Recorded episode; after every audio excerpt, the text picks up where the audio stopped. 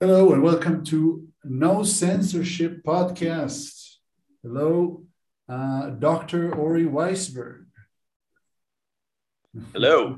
Hello. Good How to are see you? you. Pleasure to see you tov. Shavua tov. Well, um, yeah. Uh, well, how do we know each other? So, Well, I uh, think you should. You invited me, so you should say. Okay. Um, well, Ori was my one of my professors in my uh, English degree, uh, specifically on my writing course, which I thoroughly my writing and my translation translation course. Okay, which both of them I enjoyed very uh, thoroughly and fully. I have to say, uh, two of I think two of the best courses that I had uh, English wise in my um, in my degree, and um, yeah, so I decided to contact you.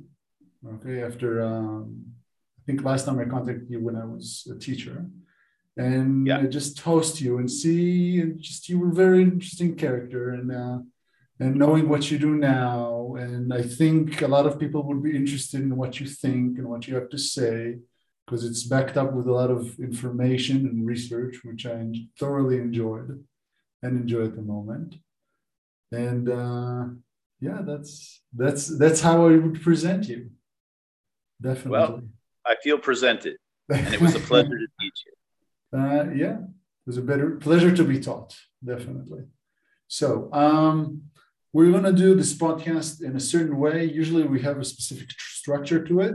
We start with uh, silly jokes, but just I'm just gonna put it in the end today. Uh, I'm gonna let you enjoy non non laughing later the awkward silence later. It's really dad joke stuff. Um, and we have uh, we have uh, first we're gonna do some more. We're gonna deal with the literary stuff with your novel, new novel that's coming out later. Uh, but first we're gonna we're dealing with some things that are going on around the world and people search. So I don't mind even saying it. So we have more views, okay? Because people search for certain things and we want them to have some sort of perspective on these things. And that's why we talk about them. So it starts with um, that, and then we have, um, we're going to get into um, the two uh, literary pieces that you sent me and I read, which were terrific. Um, we're going to talk, we're going to have some advice about writing from other um, people that are trying to write for themselves. And then we'll have jokes, and then we'll have nonsense question section which Nonsense is question. nonsense questions. We're just just also it's a comedical podcast of some sort, so we're trying to get these things. I'll try to be funny. It's I don't know that I'm so good at it. My my kids would say I'm not so good at being funny, but nobody's kids do. yeah, yes, definitely, definitely. I'd say, yeah, I'd say my dad is funny, but Mhm. not for me. You know what I mean? Like I'm like, oh my god, dad, why did it? And then I, I'm very much hoping when my kids are your age, they will finally find me funny as opposed to just roaming at me. they um, will, they will. Yeah. Definitely. Everybody else in the room can be laughing at something that I say, and they'll be looking at me like this. Well, get ready. You're gonna have a lot of looks like that on me today, I think, after the jokes. Excellent. Beautiful. And uh, yeah, let's start with um, let's start with a little bit of common subjects. Um, I saw you change your profile picture on Facebook to a one with the flag of Ukraine. Right. Um, why'd you do that? So uh, Well, I actually did it somewhat as a joke mhm. because I had just posted um, as the invasion was beginning to unfold Ukrainian flag profile pics in three, two, dot, dot, dot, because it was so expected. It's, mm-hmm. and it seems like such a sort of shallow way of connecting to something. But on the other hand, I don't know that I should judge it. I think if it spreads awareness, it's a good thing. So I figured I should do it as well. I usually don't do that. Mm-hmm. But I can say that as opposed to other crises where people have, you know, immediately change their profile pics in sort of um, expected ways and all together. Like when the uh, when the attack happened in Paris at that uh, kosher grocery store on the same day that they hit the magazine for posting cartoons of Muhammad. Everybody put up a profile pic, pic all of a sudden. Je suis juif. Je suis juif. Everybody is saying it, non Jews as well. I am a Jew, which, you know, it seems like a little bit. I don't know if you know the old movie Spartacus. I am Spartacus. It's a way of showing solidarity. But within like six hours, the entire ecosphere of Facebook was turning that into all kinds of jokes. Like, you know, there are people who are still lying dead there, and people are writing, you know, je suis juif, and then somebody's like, je suis guy in a deli because they were killed in a deli. And je suis journalist, je suis this. And it went on for weeks, all these things. So there's something that's sort of trendy and fatty about it. Mm-hmm. And I didn't participate in that, um, except for to mock it a little bit, but not on that same day. A few days later, like, guys, can you really knock this off? But I have to say, this invasion hit me differently. Um, and there are many reasons for it that I've been trying to figure out. First of all, it raises some very interesting questions because sanctions are not helping people who are dying right now at this moment in the streets of Kiev. Sanctions aren't going to help.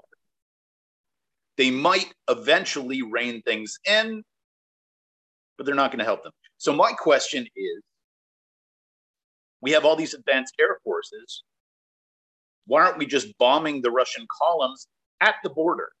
Not going into Russia, but keep the supply chains and the weapons from going into, into Ukraine at the Ukrainian border. That's something that is tactically doable. And when I've talked to people about this, and I've been arguing with friends who know more about this than I do, mm-hmm. um, I'm not a political scientist. I am not a strategist. I'm not a historian of European politics but their reasons seem to be multiple. Number one, it's not a NATO alliance country. If it were a NATO alliance country, they would act. But Ukraine wanted to be part of NATO. And one of the reasons Ukraine wasn't part of NATO is because Putin was threatening to invade. So that was postponed and taken off the table to keep Putin from invading. But now he's in. Now he invaded anyway. So why can't NATO act now? And there are all kinds of reasons for it that are technical, that are important because you would need broad support. But the more in- interesting one, what is really behind all of this is Putin has nuclear weapons, and we don't want World War. Mm-hmm. Now, why is that interesting? Because based on that rationale, he can do whatever he wants. So if after Ukraine, he can take Prussia, he can take the Czech Republic. I mean, at what point is it worth risking that? And that's an interesting question because clearly people do have their lines. Like we're not letting we're not letting Putin take France because he has nuclear weapons. Of course, France also has nuclear weapons, but at some point we will risk. We would risk. So the question is, why aren't Ukrainian lives and Ukraine and Ukraine politically worth acting beyond sanctions. And that's something I'm having a hard time wrapping my I get a lot of different answers, but when people just say, well, because we need cooler minds to prevail, more sane minds to prevail, I'm like, okay. But you wouldn't just let him do anything. So where is your line? That's the challenge. Where is your line? Because nobody is just going to let Putin rule the world, right? So I would ask you, at what point should, what point would you think that we need to face Putin? Because it's a moral question, really. I think, well, if you want to practically ask me, you're going to sound, you're going to hear a lot of, um, a lot of things that I think about this. Also, acknowledging that I'm not a scientist or anything, just by following the situation and also understanding that the situation has been escalating since long before this part. Okay, this has been a thing that Putin did. Um, the, in the 10 years or more even. And um, I remember it more from Crimea. Um, the thing is, I think different, like, first of all, the head of NATO is obviously the US. Okay. And each one of these presidents put their limits in different places. Okay. Because that's right. Yeah, because like when Biden and, and Obama is, the, is there, he feels very comfortably invading and doing whatever he wants because it knows it's just going to end with with sanctions. And as much as I'm like, I'm not, I'm not a fan of, I'm not a fan, to, to be honest, of any recent American president.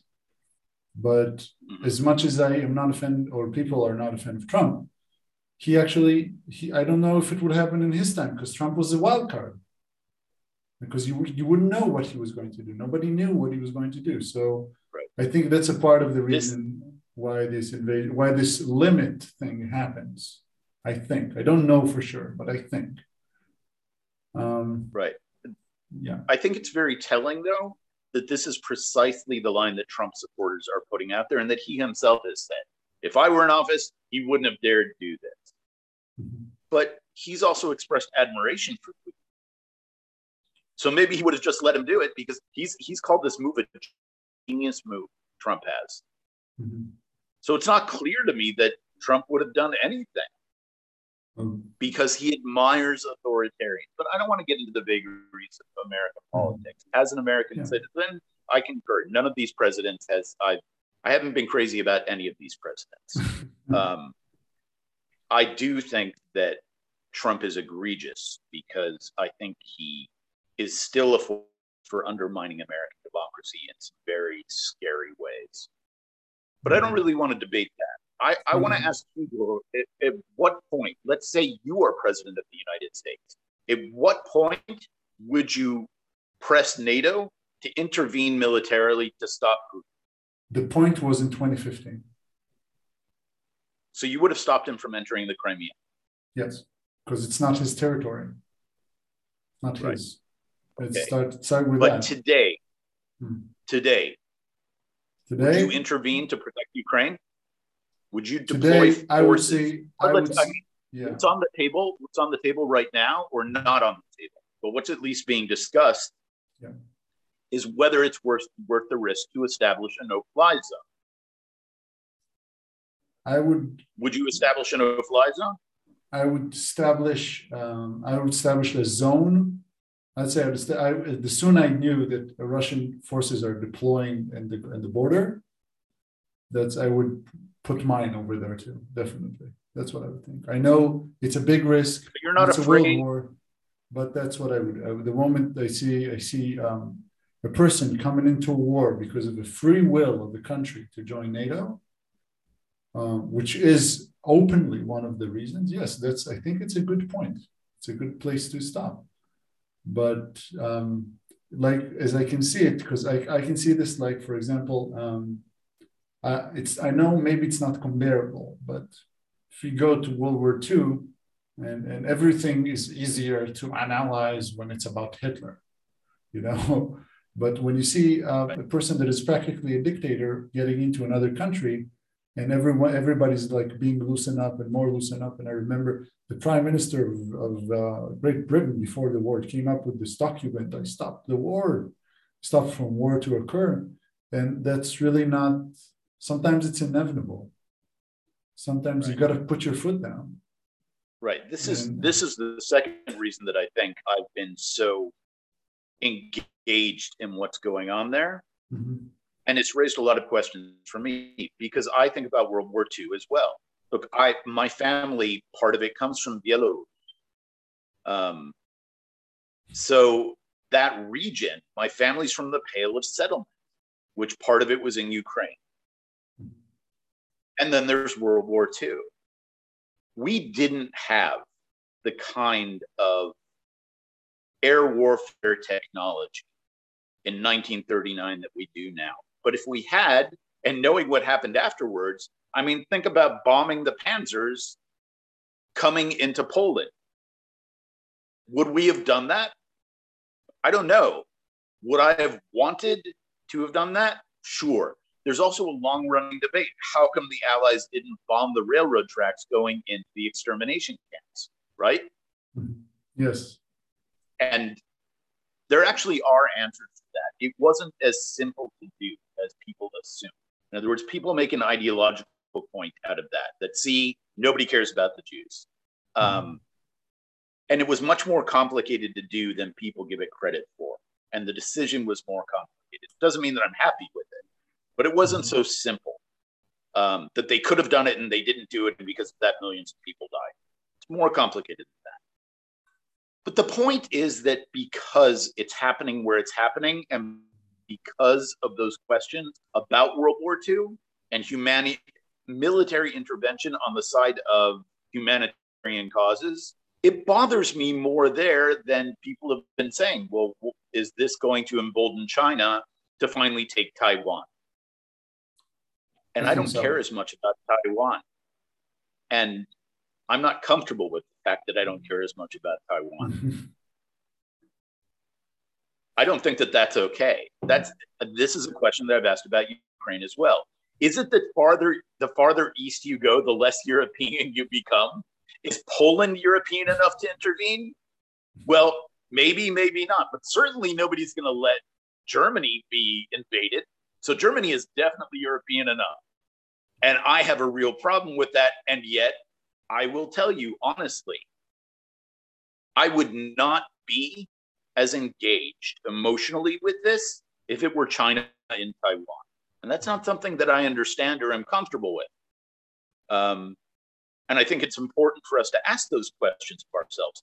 Where do we get emotionally and intellectually invested in particular world events, and where don't we? I mean, this question is raised a lot about the Uyghurs in, in China. Why do we get why do we let the Chinese continue to practice genocidal policies against this Muslim minority? There's a big movement in Israel to try and get laws passed to keep Israel from facilitating arms deals with any country that is committing crimes against humanity. And the big test case was um, two years ago when in Myanmar, they were literally going against a Muslim minority. A Buddhist government was going against the Muslim minority and destroying civilian communities, what we would call anywhere else ethnic cleansing and genocide. And Israel was facilitating, facilitating arms deals between Israeli companies, the government was, between Israeli private companies to sell arms to the government that was doing this. And there was a lot of protest against it, but they still did it. Um, again, I don't want to go far into this, but that's the question. Where do we act and where don't we act based on where we connect to? Because we all want to say that all human lives are equal. But I don't think we act that way. And I don't think we think that way. It's going to sound, I say we, I include myself. It's it's going to sound very philosophical, but and very bad. But I don't think that, like you said, I, we don't perceive same lives as equal because lives are not equal. Okay, maybe they should be equal, but they're not equal. A person in Taiwan is different from a person in Ukraine, is different from a person in Israel, and definitely different from a person in Germany. Right, but They're different not... doesn't mean unequal. Would you say that a Taiwanese life is worth less than a Ukrainian life? No, but according to what perspective? To whom? Dignity of life, the value of if, if in I other words, say, if I would say the dignity of life, street. no, I would not. Like I would not. I wouldn't say they were different but according to but it's okay, not so up to me to decide. Here's the test. Let's say you're walking down the street in Sydney and it's a beautiful day and you yes. see somebody getting attacked. Yes. And you want to intervene. Mm-hmm. Would you want to intervene less if it was somebody who was Taiwanese than it was somebody than somebody who was Ukrainian? No, but I but I would have a feeling that I wouldn't know. Uh, just being honest, if they were Jewish, I would more I would be more inclined to intervene. Yeah, see, I think in that situation, I wouldn't. I would see a human being being attacked, and I would I would want everybody to respond in the same way to save that human life. And yet, I am more concerned about Ukraine than I would be about Taiwan, mm-hmm. and that's not comfortable. Yes, like I'm not comfortable with this thing myself. Okay, by the way, right. I'm saying that I'm more inclined. I would do the same thing, but I would feel differently. Right. Okay. So it's yeah. It's it's a very complicated question. So, Definitely. I mean, I think there are a few things. Mm-hmm. At what point do we risk a face-off with Putin, who has his finger on a button with nuclear weapons at his, and who's not somebody who we can trust to act sanely, because how we define sanity and sane politics, he's outside that, right? He doesn't fit what we think is acceptable leadership. Now, there's a third issue I want to bring up that in discuss in discussing whether we would support some sort of military intervention on behalf of Ukraine, as you said, NATO is primarily driven by the U.S. I think that's true to some degree, not completely. Um, but let's say it is. Are we really comfortable with the US being the single policeman of the war of the world, deciding what's fair and what's acceptable and what isn't, and when we intervene and when we don't? Because people in the US, many of them do think that that's, I mean, there's this idea of American exceptionalism that in the words of one president, America is the last best hope of the world. And by America, we mean the US. How is that less imperial or imperialist than what Putin's doing? So the my point is this it's not that I think that, that America is the same as Putin or that, that the US doesn't have a right and a responsibility to criticize. But I'm not comfortable with the U.S. making all the decisions unilaterally either. Um, and, and, I would like to see more leadership from European countries. I mean, I think it's very interesting that suddenly, for the first time in history, Finland and Sweden are now talking to NATO about potentially joining, or at least consulting with. That's never happened before.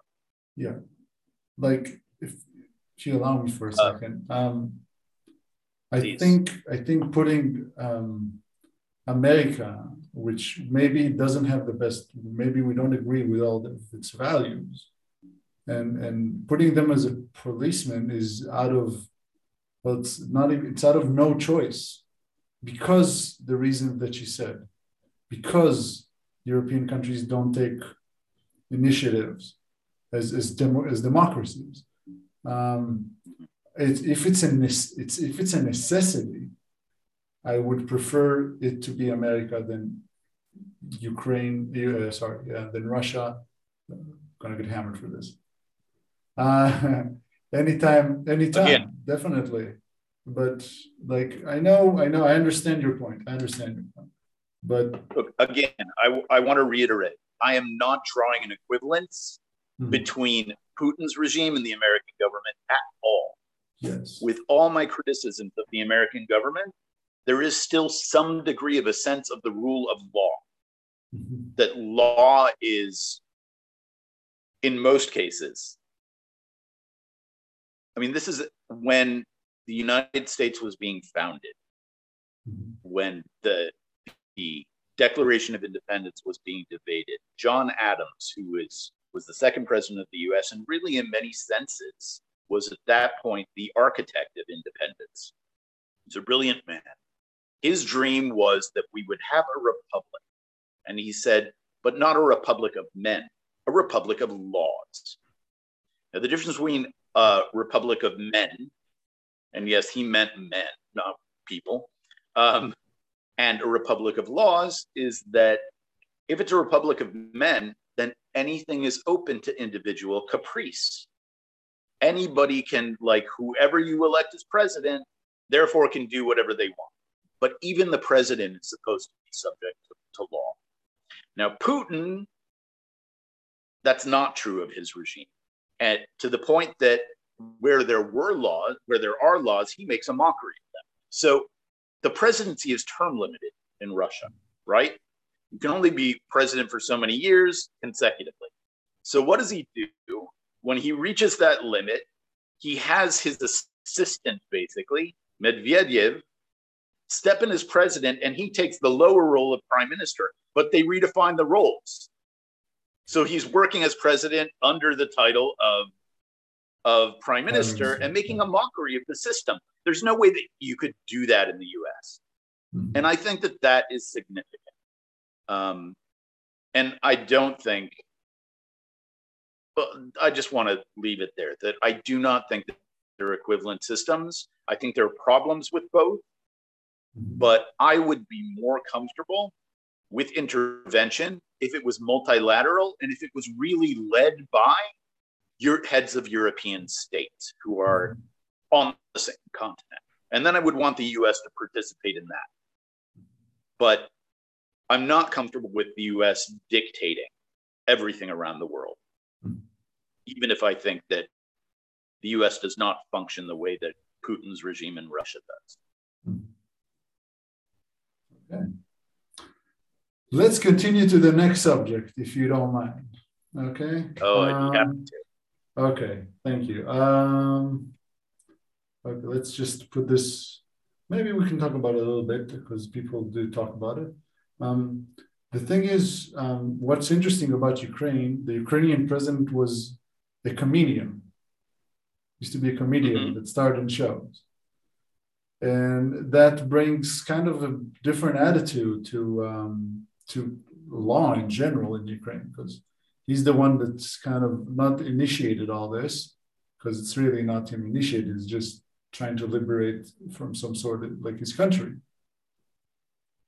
Mm-hmm. So how does that um, well how does that imply in a in a time that entertainers are rulers? Like we well, have, Ronald Reagan was a B movie actor. Yeah, Ronald Reagan uh, was an actor. Our own our own system in Israel, our, our our, uh, our our uh, Minister of Foreign Affairs, used to be a journalist and a presenter of the news. Um, he was a TV personality. Yeah. So that's who didn't that's, even graduate high school. Yeah, he didn't even do college. He just received an honors degree so he could do his master's. So I, I find that very, very interesting concept that people that amuse us right. becomes our rulers and not people that are competent to be rulers become our rulers if we need to have rulers at all or we do i don't know right although remember in a democracy yeah. the person that you and i think has the qualifications may not win the most votes in other words obviously more people thought that reagan was qualified than the people he ran against whether it was Carter or Mondale. Both of them had much more on paper qualifications. Hillary Clinton was exponentially more qualified than Trump, in our view, in my view. And mm-hmm. yet, more Americans decided that, or at least through the way that the system works, really in the popular vote, that's not true. But yeah he got more votes in the places that counted, which means other people disagree with him and do think he's more quali- qualified. Mm-hmm. So, as a citizen of two dem- democratic countries, mm-hmm. I have to accept that. Mm-hmm. You know, I voice my voice through the vote and not just through the vote. Um, so you know, as you know, media. I speak fairly public. I speak fairly publicly and critically. Um, online, I've published op eds uh, mm. about things I disagree with. But I agree with the current prime minister of Israel on very, very little. Not just I don't agree with him, I oppose most of his basic political principles. But I would never say he's not my prime minister. That, that's the difference difference. So is Zelensky qualified? Enough people in Ukraine decided he was qualified. I don't know what his qualifications are beyond having been a comedian. Mm-hmm. I know that one of the reasons that he that people voted for him is that he was less pro Russia. That's, that's, that's, one of the reasons one. he's in power. And Ukrainians, enough Ukrainians thought that he was qualified. So he's qualified because that's what determines qualification in a democracy, right? It's not, you don't have a committee of highly learned judges who are interviewing people to try and determine who has the best qualifications. It's the people who vote. And this is where we go to Churchill. I mean, we were talking about World War II just a minute ago. What did Churchill say about democracy? It's the worst form of government in the history of the world, except for all the others. Mm-hmm. It's a very famous quote of his. Yeah, I, I know and I one. think that there's there's there's some truth to that. It's an mm-hmm. extremely flawed thing. We just have not come up with anything better, and there may not be anything better. So I don't know how to judge Zelensky, but I will say this: when Putin all of a sudden pulled out, I'm going in, into Ukraine to denazify it.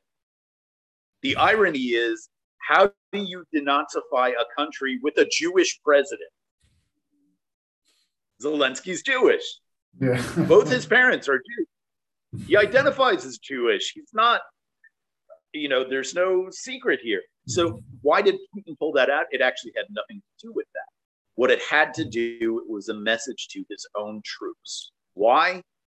Because it evokes for them what they call the Great Patriotic War. More Russian soldiers died and Russian civilians died in World War II than any other constituency. And what that does when he says denazify Ukraine, it gives a license to Russian troops to fight in a certain way. It licenses them to be ruthless. And they're not thinking, oh, it's ironic, there's a Jewish president, denazify. It's we're reenacting this huge, glorious sacrifice.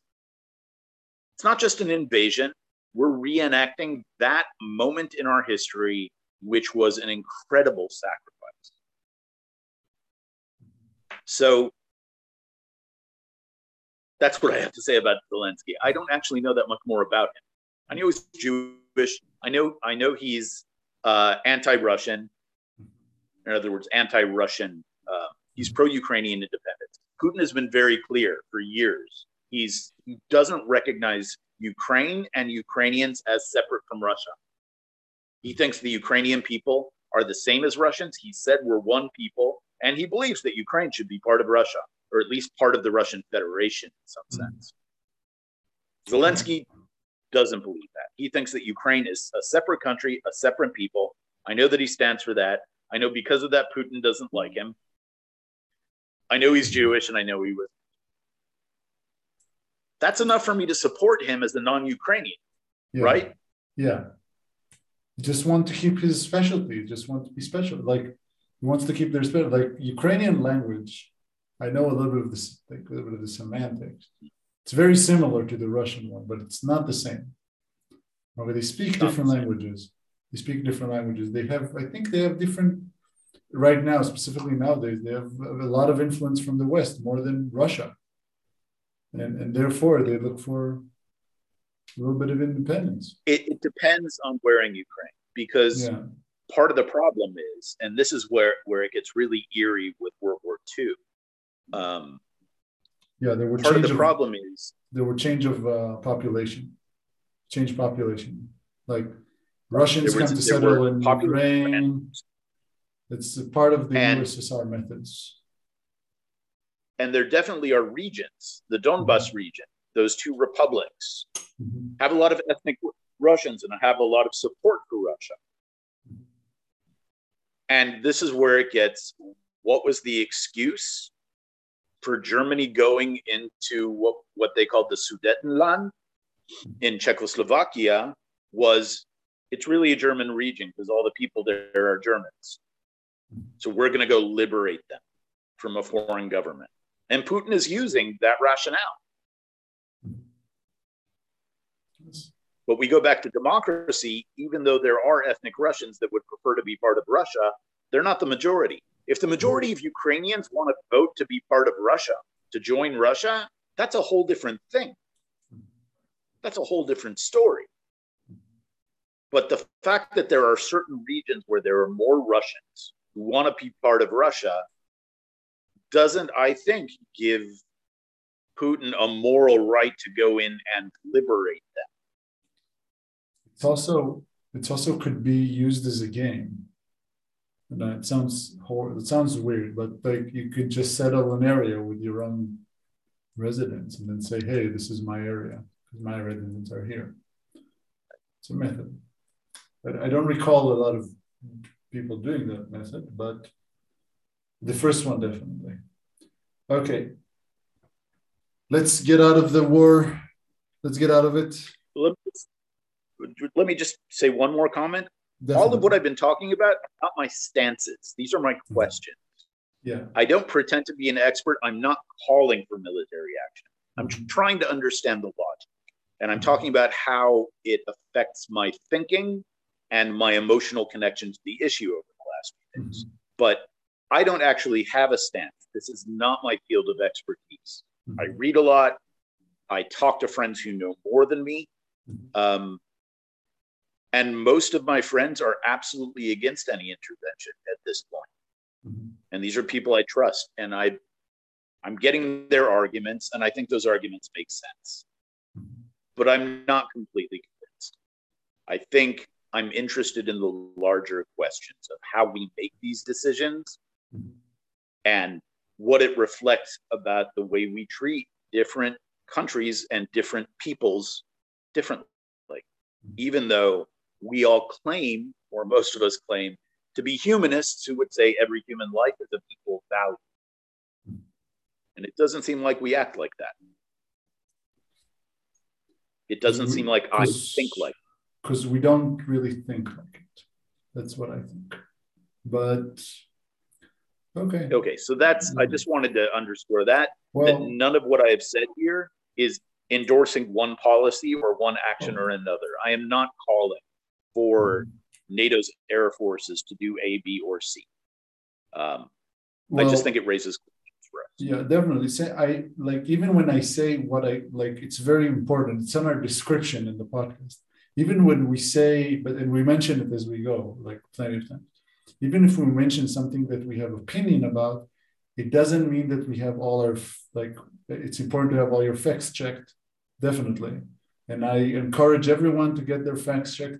The next week we have um, oh, hidden commercial. Next week we have someone that actually understands the situation hosting. So I would be more like, despite I, that I said what I think about this matter, wonder what I would do if I do myself. I'm not a politician. I'm not a leader. I wouldn't know what to do. It's really important to raise questions and see what's going on and talk to the right people. And yeah, just right now I'm feeding um, information that there is on the internet, and that's um, or from people that um, know people that live there, and I, that's maybe not enough of a credible source and uh, maybe we should talk to a Ukrainian person in Ukrainian in person on the podcast. And that's what we're going to do next week. So fun. So fun.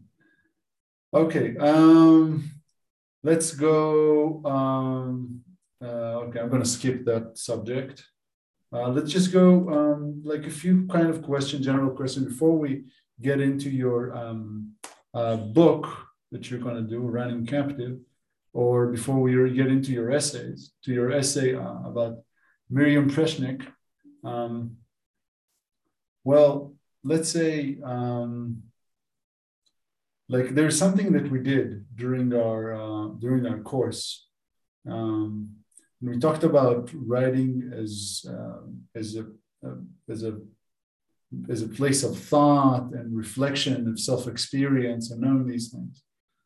Um, and I found it really interesting that um, every person that I got, that I spoke to, when they read their own production materials, actually had that realization. How, like, how do you think that process actually works? And how do you make people keen on doing so? Trying to engage in self reflection in that way?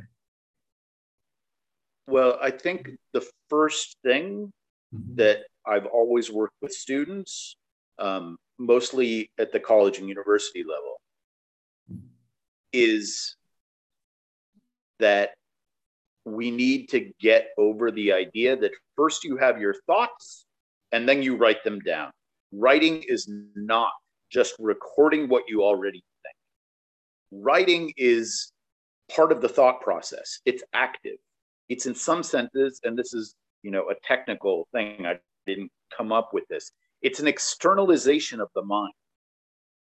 And if you wait to think about what you think or what you feel and then try and write it accurately, it's sort of a sterile process. It doesn't produce anything.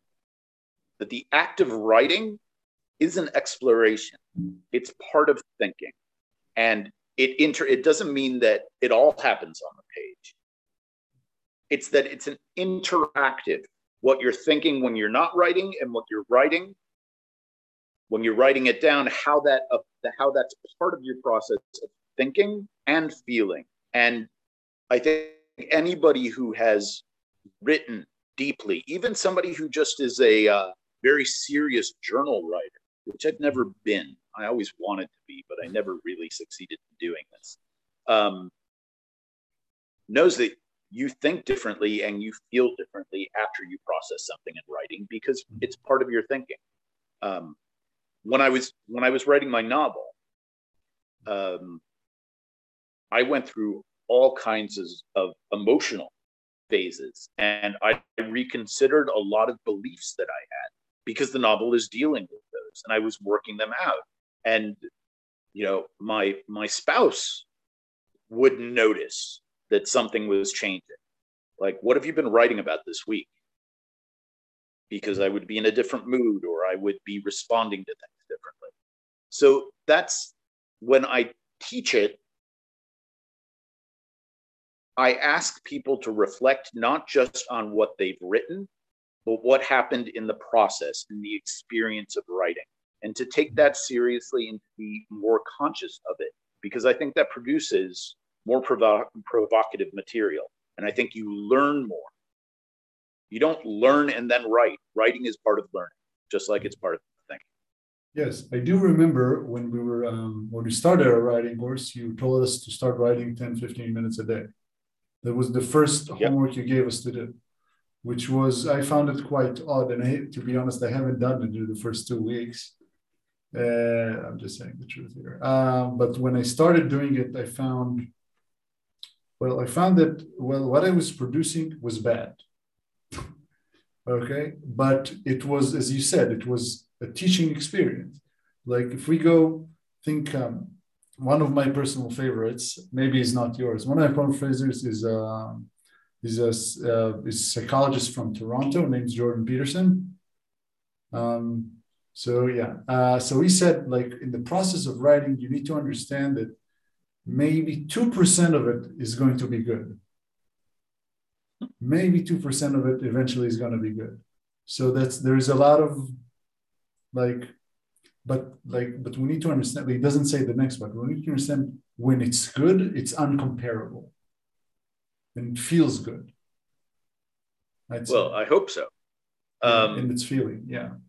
So see, it's worthwhile to spend the, the drafts yeah, I, I think he sort of stole that uh, from somebody else, but I don't know because it's a, a, thought that a lot of people have. One of yeah. the, the most interesting things that I learned about writing comes from a very odd source. When I was much younger than I am now, I was mm-hmm. watching an interview with Jerry Seinfeld just when Seinfeld was becoming a huge thing, like the second or third season. And he was being interviewed on some program that wasn't like The Tonight Show. It was a later program than that. It was a program that was like on at 1 a.m. And the presenter, the interviewer asked him, Do you ever struggle with writer's block? And he just said, No. Never? You never have writer's block? And he's like, No, I don't believe in it. What do you mean you don't believe in it? There are some of the greatest writers in history have talked about their struggles with writer's block. He's like, no, I think it's arrogant because he didn't say 2%, he said 10%. You have to accept the fact that I don't care who you are, 90% of what you write is not just going to be bad, it's going to be utter crap. And if you don't face that and you don't just accept that, that most of what I'm going to write is going to be terrible, mm-hmm. then you're always going to be blocked. But yeah. why should you think that more than 10% of what you write will be good? Now, I actually think that there's a lot more of a spectrum. Um, and that's why there's the idea that, you know, I don't I don't get to work on my own writing every single day. I work as a translator and an editor. Um, I have three absurdly attractive but uh, often inconvenient children that require my my attention. I like to say that uh, you know children come with these things called feelings, and they're very. Um, but even if I don't have time to work on my writing a single day in a, in a whole day, I'll take 15 minutes and I'll tinker with one or two sentences of something I've already written just to stay in contact with it, just so it stays alive. Because to go one day and then two days and three days means you disconnect from it. Now, there are ways in which that might be productive for certain. But because I see writing as not 90% crap and 10% incomparable or 2% incomparable, I don't think I don't think most of my writing is crap, and I don't think most of it or any of it is incomparable. Um, I think it's it's always getting better, even when it's getting worse. It's getting better. Mm-hmm. Um, so I like to see it as more continuous than that. And that's what write 15 minutes a day, even if you think it's terrible. You think it's terrible, first of all, it's probably not as terrible as you think. Um, and the more you come back to it and work on it, I think it gets better um, for almost anyone, really. I also think you need to give up on the fact that you're going to anything you're going to produce is going to be Jane Austen or James Joyce or Shakespeare or Amos Oz or Tolstoy. Like, you know, my wife, my my spouse, is a uh, is writing a biography right now of George Eliot, who is one of the greatest novelists in the English language. Um, non-English I mean, people know Dickens more than Eliot, but in academically, many people respect Eliot more than Dickens um, for a lot of reasons.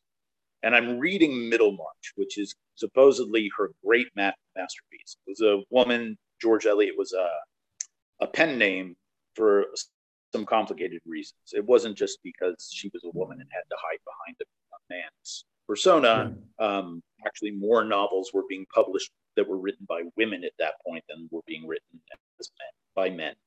But nonetheless, so I'm reading Middlemarch, which, you know, we've been married 20 years, and sort of the joke between us is she's never read Paradise Lost. My PhD is in English Renaissance literature, and I'd never read Middlemarch. So it was like, it's time for me to finally read Middlemarch since you're writing the biography.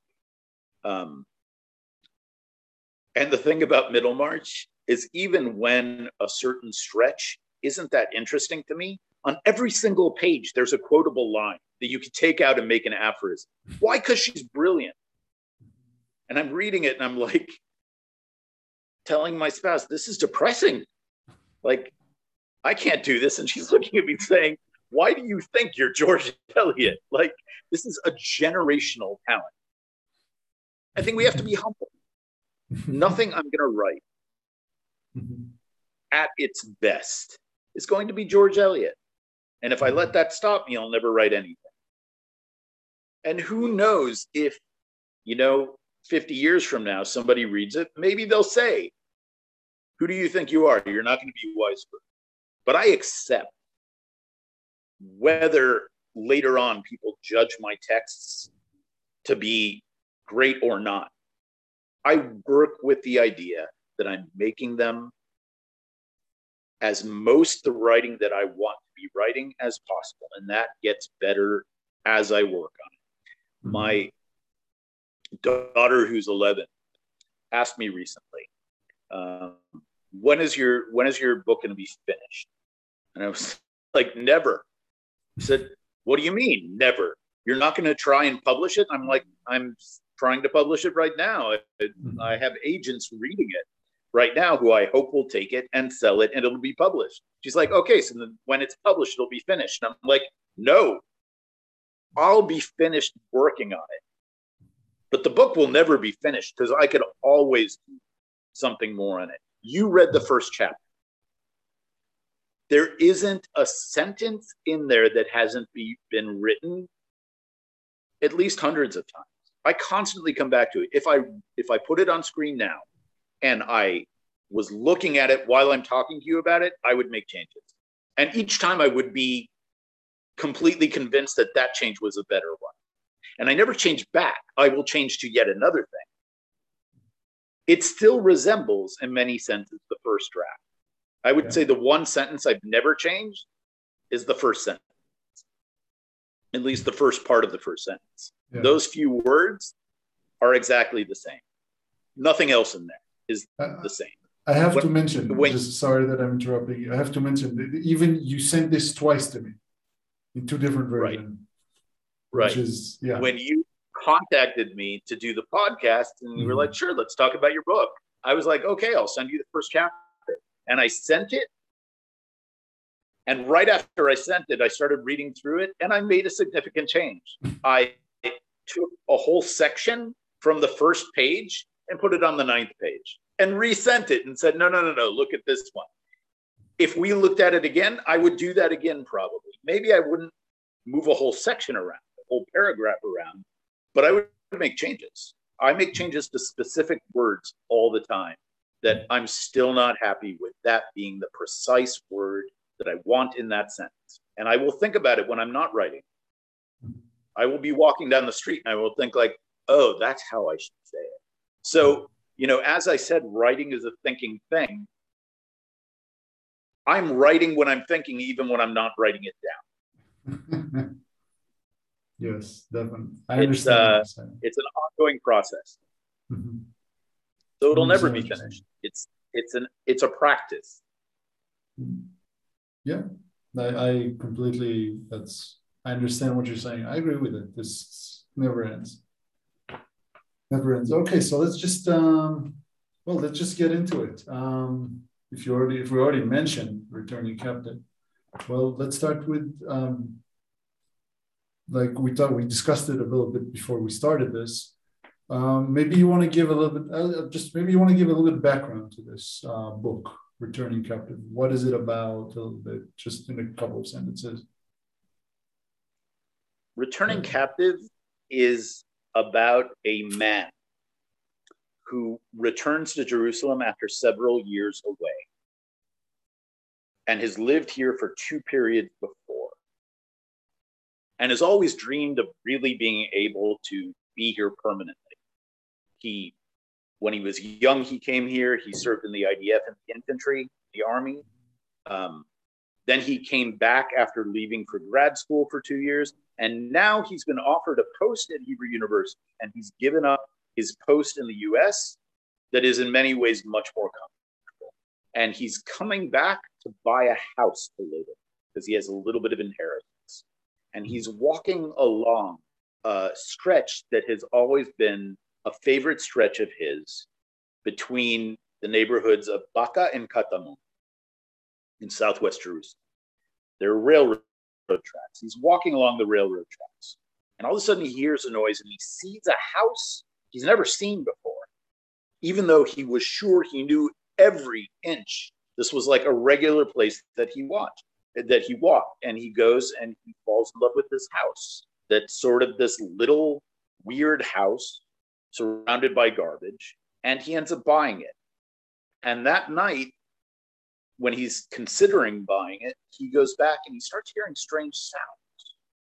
So what develops out of this is the the primary timeline is from Passover 2005 when he first sees the house to Passover 2006. And what happens in that timeline is that these disturbances build and build and build and he can barely sleep there at night. They're terrifying things. He hears explosions that nobody else hears. He hears tapping noises at weird rhythms that he can't understand.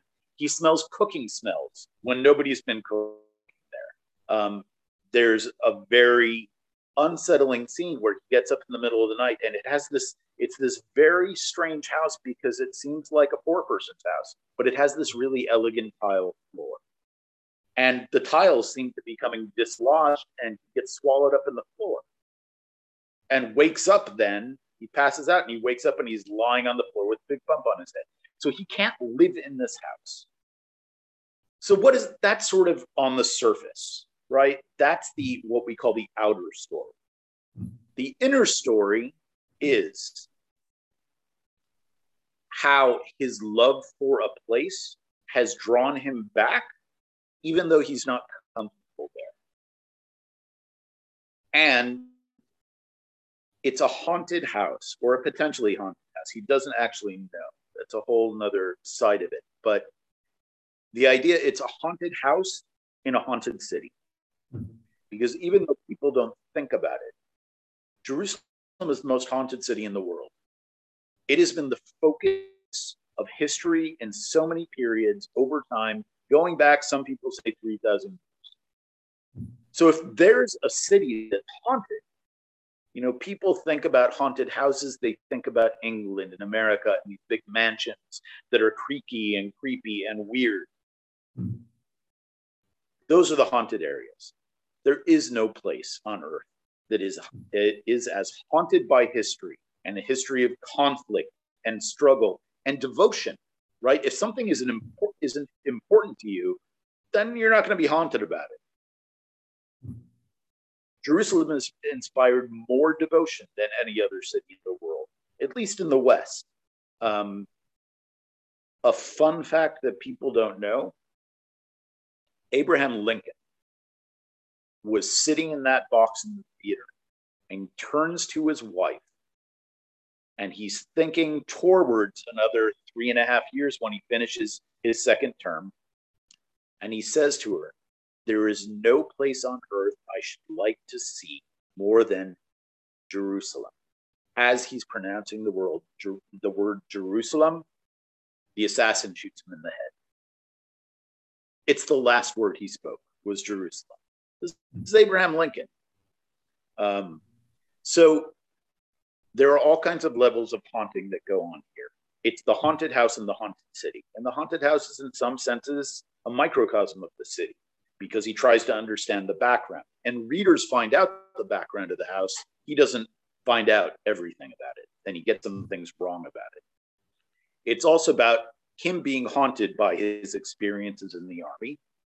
Yeah. Um, and the other twist, and this is one thing one of my children says, Your book is stupid. Why? He's 38 years old. He desperately wants a family. There's a woman he loves who loves him, who's this phenomenal woman. And he has betrayed her, not for another woman, for the city. She will live with him anywhere in the world but here because her family, or part of her family, she's half Palestinian, half Italian, fled this city in 1947 48. Not just the city, these neighborhoods. She says, We can have a Jewish home, the kids can be Jewish. I'll live with you wherever you want. We'll keep all the holidays kosher. We'll keep Shabbat anywhere on earth except for Jerusalem. And he picks Jerusalem. So he's haunted by that choice as well. So there's the haunted house in the haunted city. The there's haunted his personal. It's the neighborhood and what specifically happened here. So there's the haunting of the city going back thousands of years, to which he's very connected to. He's a scholar of rabbinic literature and he's working on a book on demons in Talmudic literature. And he starts thinking maybe there are actually demons here. And what do demons represent? Um, so he's haunted by his choice to leave a woman for a city, a choice he doesn't understand. And he's haunted by unresolved traumas from what he did in the infantry and what he saw in the infantry during the first Intifada. So that's the book. Well, how how do you see yourself in the character of um, of well in Ben shoes and the main protagonist. Right. The protagonist is named Ben Zion Peres. Yeah. Um, means son of Zion. Uh, and it's a name that was given him by his American parents. So he grew up, his childhood was in the American Midwest, and he had this, he wasn't Benny, he was Bensi. And people couldn't even remember how to pronounce it. So he had this strange name, and he never felt at home there. How do I see myself in him? Well, there are certain aspects that are taken from my biography. I grew up with the name Ori in America. Corey, Lori, Lori, what? Um, so I thought I would solve it by moving to Israel in my teens. I moved here when I was, uh, I came here the first time when I was 16. And uh, what happened here? Here, everybody calls me Uri, not Ori, because it's more, uh, it's more common. So it didn't really solve things. So there's that dynamic. There are a few other dynamics, but I would ask this. I want to turn it around and ask you, since you know me, what aspects of Bentzi reminded you of me as a person? Well, um, basically, you mentioned um, I, it's kind of it's more reflective also in the second essay that you sent me, but um, the army part is very evident. Okay, the trauma army part is very evident in the way you see him and the way you see yourself. Um, where did you I'd see say, the army trauma, Jeff? Wait, wait, specifically, um, where did you see the army come up there? Um, I do not. I, I, I don't like. It sounds really horrible. It sounds really, really unprofessional, but I don't even remember mm-hmm. it. Um, I saw. Um, well, the conflict between. I feel like I didn't feel like there that, that was in you, but I felt like there was a specific the conflict between Israel and the U.S. because you are American and you do live in the U in, in Israel, so it's like it's odd because like I feel it here in Australia. Like in Israel, you're not really Israeli, and in America, you're not really American. So right. that's that's definitely evident here. Um, uh, I don't the know. The place where the army comes up in this chapter, it comes up specifically, is when he's walking at night to go back to see the house. The same day that he sees the house in the opening scene, mm-hmm. really in the third paragraph, he comes up the house. Mm-hmm that night he can't sleep, so he goes to wander the neighborhood, which he loves wandering at night. It's something he's always done. Yeah. And uh, on the way back to the house, he catches himself turning around and his eyes going to sweep balconies and rooftops. It's a habit he's never shed. It's like he's on patrol. It's mm-hmm. embedded in his body. When he's walking alone, he'll walk down the street and he'll turn around. He's alone at night. It's not if he's walking to a dentist appointment at three in the afternoon, but if he's just strolling alone at night, he'll find himself just turning on his heel and checking rooftops and balconies and windows, which is what you do when you're on on patrol in uh, in uh, a, a, civilian area, because yeah. that's where somebody could be targeting you from. And he catches himself doing it, and he knows he does it, and he can't stop. Yeah, also the mentioning of um, like it's like it's an intifada times, like just after the intifada. Okay, and you mentioned that you had to deal with um, civilian uh, civilian population in Gaza specifically. So I think that really involves that and the fact that he ran away from the intifada in some in some point, like from some point, and and you had to handle it to handle something that he well that he didn't um, well that he didn't encounter in Intifada, but he just ran went away from uh, these problems, which you don't. You write them down. So that's uh, yes like, yeah. and no. I mean it. It took me a long time. Yeah. To write about this.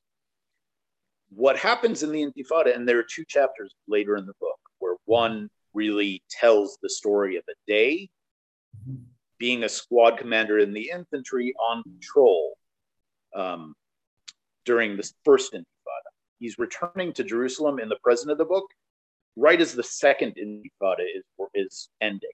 But he had served in the first intifada.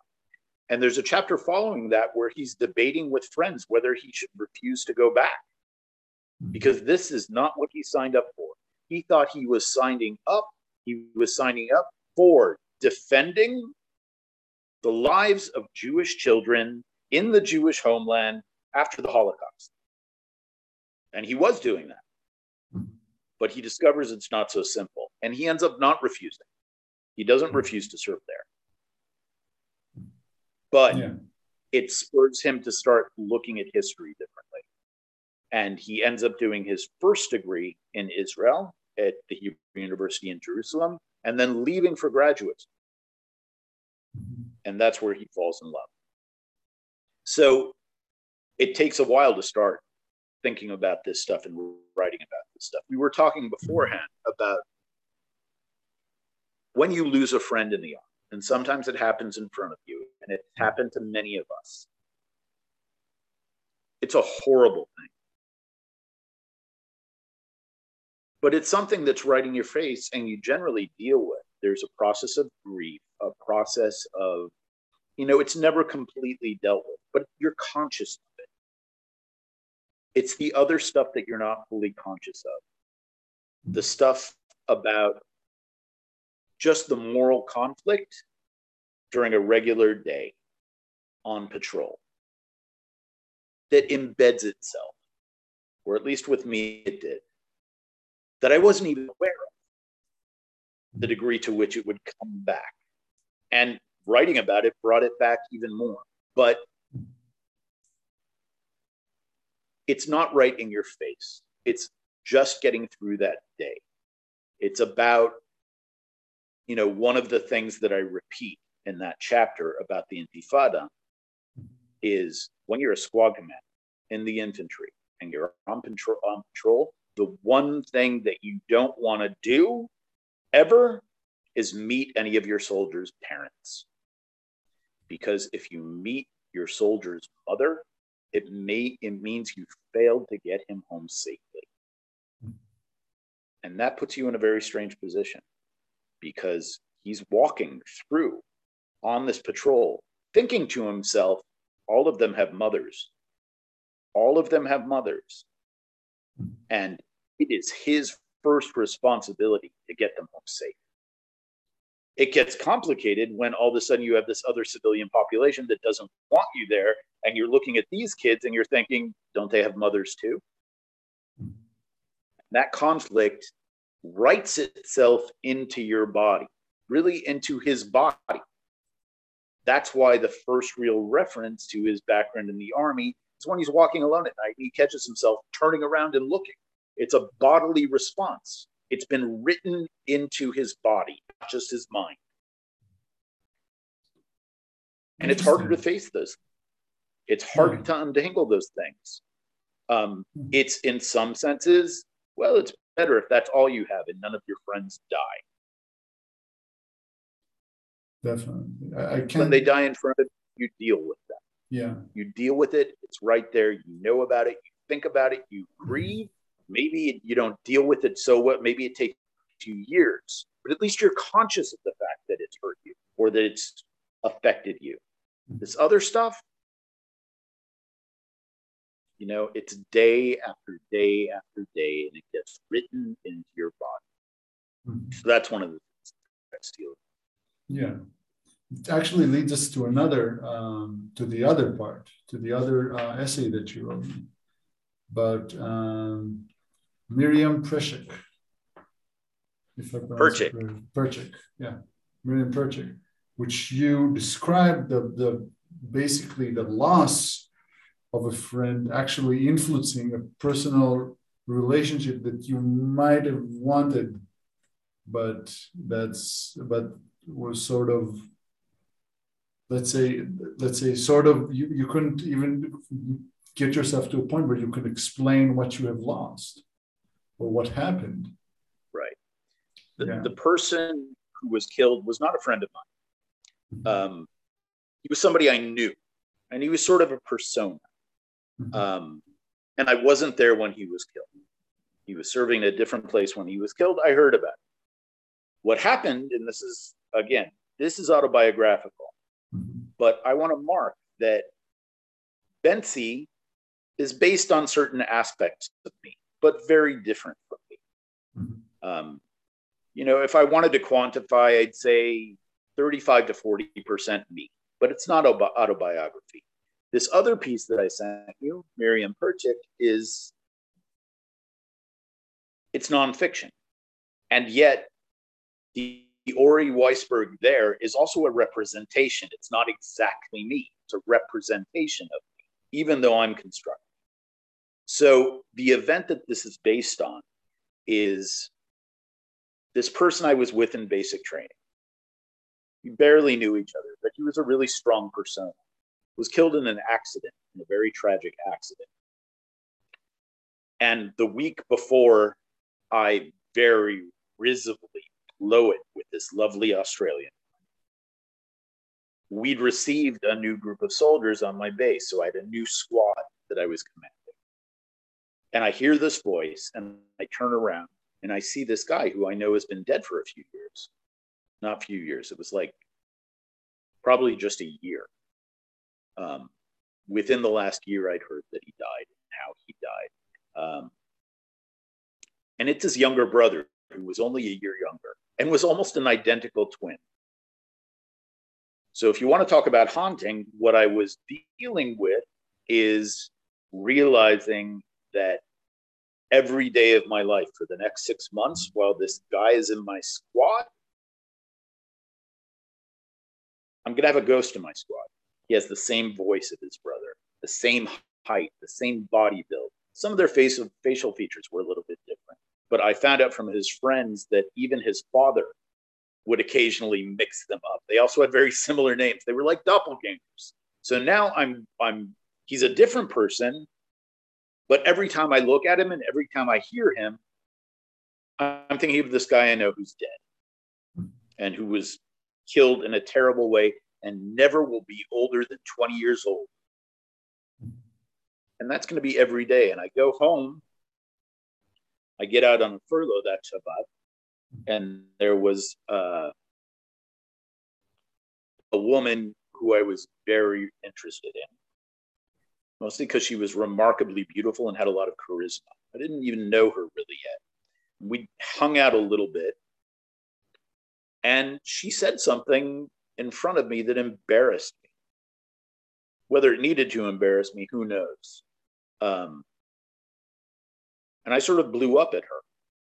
And I talked to her in a way that I've never spoken to any other woman. And I just threw this very crude thing at her and I got up and I walked away. I never spoke to her again, even though we were in the same place for the next few months. Well, I was only there on weekends when I got out of the army, but she was there for a few months. Never apologized, never anything. I just decided she was A, B, or C when I really didn't know. I didn't know her. And I didn't connect these two events at all. Mm-hmm. And that's the way that these experiences overdetermine all sorts of things. You know, things did work out with me, for me, with other women.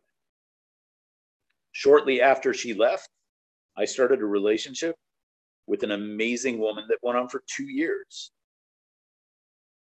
And yet, I don't think about that woman hardly at all. It was a satisfying relationship. It didn't end amazingly, but it ended because it needed to. And I've been married for over 20 years to a phenomenal woman who I have a ton in common with. I, I don't know if soulmate, but definitely a partner um, in every way, not just a co parent. Um, we have a lot intellectually in common. We have a lot Jewishly in common. We have a lot ethically and politically in common and I still think she's lovely. Um, and yet, I think about this woman from Australia who I knew, who I spoke to maybe five times, never spent more than a few hours with, and I never even kissed her. Obviously, this isn't because of her. No, it's. I'm not gonna. I'm not gonna be the therapist, but um, it's it's a reflection of you at a certain point. It is. Absolutely. It's a reflection of you. Absolutely. So, but there is something when you write when you write, write autobiographical fiction, mm-hmm. there is something, if not therapeutic, because sometimes it doesn't make you feel better, sometimes it makes you feel wor- worse. There's a mm-hmm. similar kind of of trying to uncover and tell yourself and discover the truths of what's going on. Because in that moment, I would not have connected what happened that week to how I spoke to her. And I would never have connected what happened that week and what had happened to me in the previous few months. The fact that I never just went and said, by the way, I'm sorry. I really shouldn't have spoken to you like that. Yeah. And uh, I hope you have a good time here. I'm going through a lot of stuff. It's not your fault. And I shouldn't have spoken to you like that. And uh, I'm sorry. And I'm sorry that, you know, hmm. it's at this point probably not going to work out with us. Um, yeah. Like, although who knows? Maybe she would have forgiven me. But she yeah, was like, never going to be my my life partner. She was somebody I knew while I was in the army who I was attracted to. Yeah. And she seemed like a very interesting person. But that's it. Yeah, like I know, but I, like I know, but I found this. I found this very even. It made it makes you feel worse. Sometimes the writing makes you feel worse. I still finding yeah. it. Um, ref, if it's reflective, maybe at that moment it makes you feel worse, but later on it will not, and you realize something. So it does make it better. That's the theory of psychotherapy and psychoanalysis. Yeah. Um, but I can say this I've been in therapy, I've yeah, actually been in psychoanalysis. Um, and I would say doing when writing on these kinds of issues, and look, the next book, my next book project is set in 17th century Venice. I've started working on it. It seems much more distant from me, but it's always going to be about things that you're invested in and things that hurt. It's always going to be about you. Um, yeah. So yeah, this this 17th century lute playing Jewish alchemist in the Venice ghetto is in some senses as autobiographical autobiographical as Benzion Paris in my novel and as Ori Weisberg in this non-fiction essay. Um, mm-hmm. So when writing, while in therapy, they do complement one another. Mm-hmm. And they can complement one another in a therapeutic process. But writing itself can be therapeutic. It's not always. It never it doesn't always affect the catharsis. Sometimes it just brings it up. And then you should go to therapy and deal with it. But nobody should think that they can, if you feel like you need to be in therapy, don't think just writing in a journal every day is going to be enough because it won't. No, no. That's what I want to say. Yeah. Yeah. Um, yeah, but let's let's get up the marketing person within me. Okay. Mm-hmm. Um, I used to work in marketing for a couple of years, by the way. Um, mm-hmm. And I know that's something that uh, your probably agent has asked you, but who do you think these kind of, um, let's start with um, returning captive, who do you think this is addressed to? Who do you think would be a fit audience for this kind of, uh, for this kind of book? I think there are several overlapping audiences. Agents mm-hmm. want you to pick one. Mm-hmm. I would have thought before I started the shopping process shopping the manuscript that it would be great if, if you could describe five ideal readers because that represent different audiences because that means it has a broader market. They actually don't want that. They want you no. to pick one just as you did right now. Who's your target? Which i think is sort of limiting because i purposely am writing it in a way that mm-hmm. i wanted to appeal to different audiences because i have different audiences within me we're all complex beings. Okay. I, so, I feel like, sorry, I feel like I need to explain. If I myself. had to pick, yeah. No, no. So, so the question isn't who I wrote it for.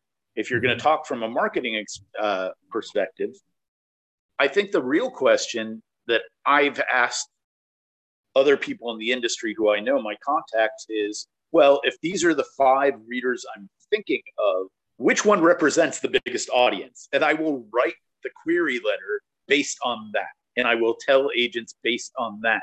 Because it doesn't matter to me. I just want to write the book. Any of those five would be great. So it's people who like literary fiction, who like cross genre literary fiction, right? Because it's a haunted house story. It's about the mystery of what's going on in the house. But haunted house stories are never just about a haunted house. Um, and it's literary in the sense that the point isn't just how creepy does it feel to you when you're reading That's obviously not the point. So, cross genre literary fiction, people who like reading literary fiction that is dealing with both popular and less popular forms and ideas. Hmm. It's definitely written with Jewish American readers involved. And the idea of those Jewish American readers that feel some connection to Israel, but are very ambivalent about it. Hmm. It's also directed at more committed Zionists who, and this isn't about the commitment, it's that I feel like we don't tell ourselves the truth enough. Hmm. I feel like we don't tell ourselves the truth.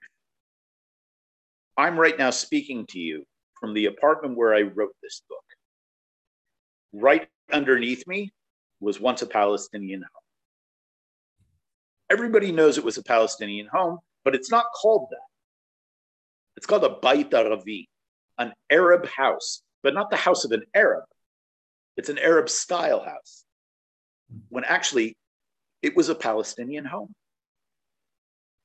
And what most people say, even people on the left here, they'll shrug and say, look, war happens, people get displaced, but they don't know the specifics of what happened in this neighborhood. Hmm. And I think we need to face those things. Doesn't mean that I think that we don't have a right to live in this neighborhood. But I think we should know what happened here and what we did here and what we benefit from here. So it's definitely addressed to Zionists who I want people to be, I want us to be telling ourselves the truth. Um, it's also addressed to people who are n- not necessarily Jewish, but are trying to understand the complexities of life here and of the history. How did we get here? So people who are interested in the uh, the Israeli-Palestinian conflict, and one of the things I say in the in the book, and this is very autobiographical, um, most most Zionists when they talk to me and they read my writing, they think I'm an anti-Zionist. Every anti-Zionist I know thinks I'm totally a Zionist. Now they say when you are making everybody uncomfortable, you're doing something right. The problem is that doesn't actually work for selling books to an agent because you want to attract people, not yeah. annoy them. And this book is mm-hmm. really written to disturb in some mm-hmm. senses. And I want people on both sides of that divide. And again, I think it's more a spectrum, but I, I want there to be uncomfortable things for everyone. because I think the truth is uncomfortable all around. Um, and there's a place where, you know, I think readers of this book, half of them are going to think of this as um, an anti Zionist treatise dressed up as a novel. I'm sh- I know that there will be readers or people who probably won't read it, but will read a review of it if it is fortunate well, to get some mainstream reviews, uh, well, which is you, not just my hope, it's my intention.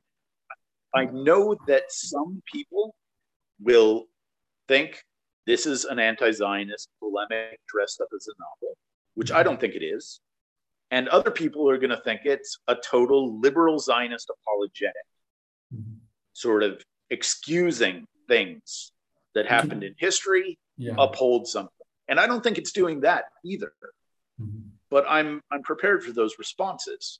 So ultimately, I want this novel to participate in and push forward a certain kind of conversation without me having uh, i don't have an agenda in the sense that i want everybody who reads the book at the end to believe in this policy it's not a political treatise it's not pushing a political platform i have very developed principles and beliefs when it comes to politics here but I'm not trying to sell them through the book. Mm-hmm.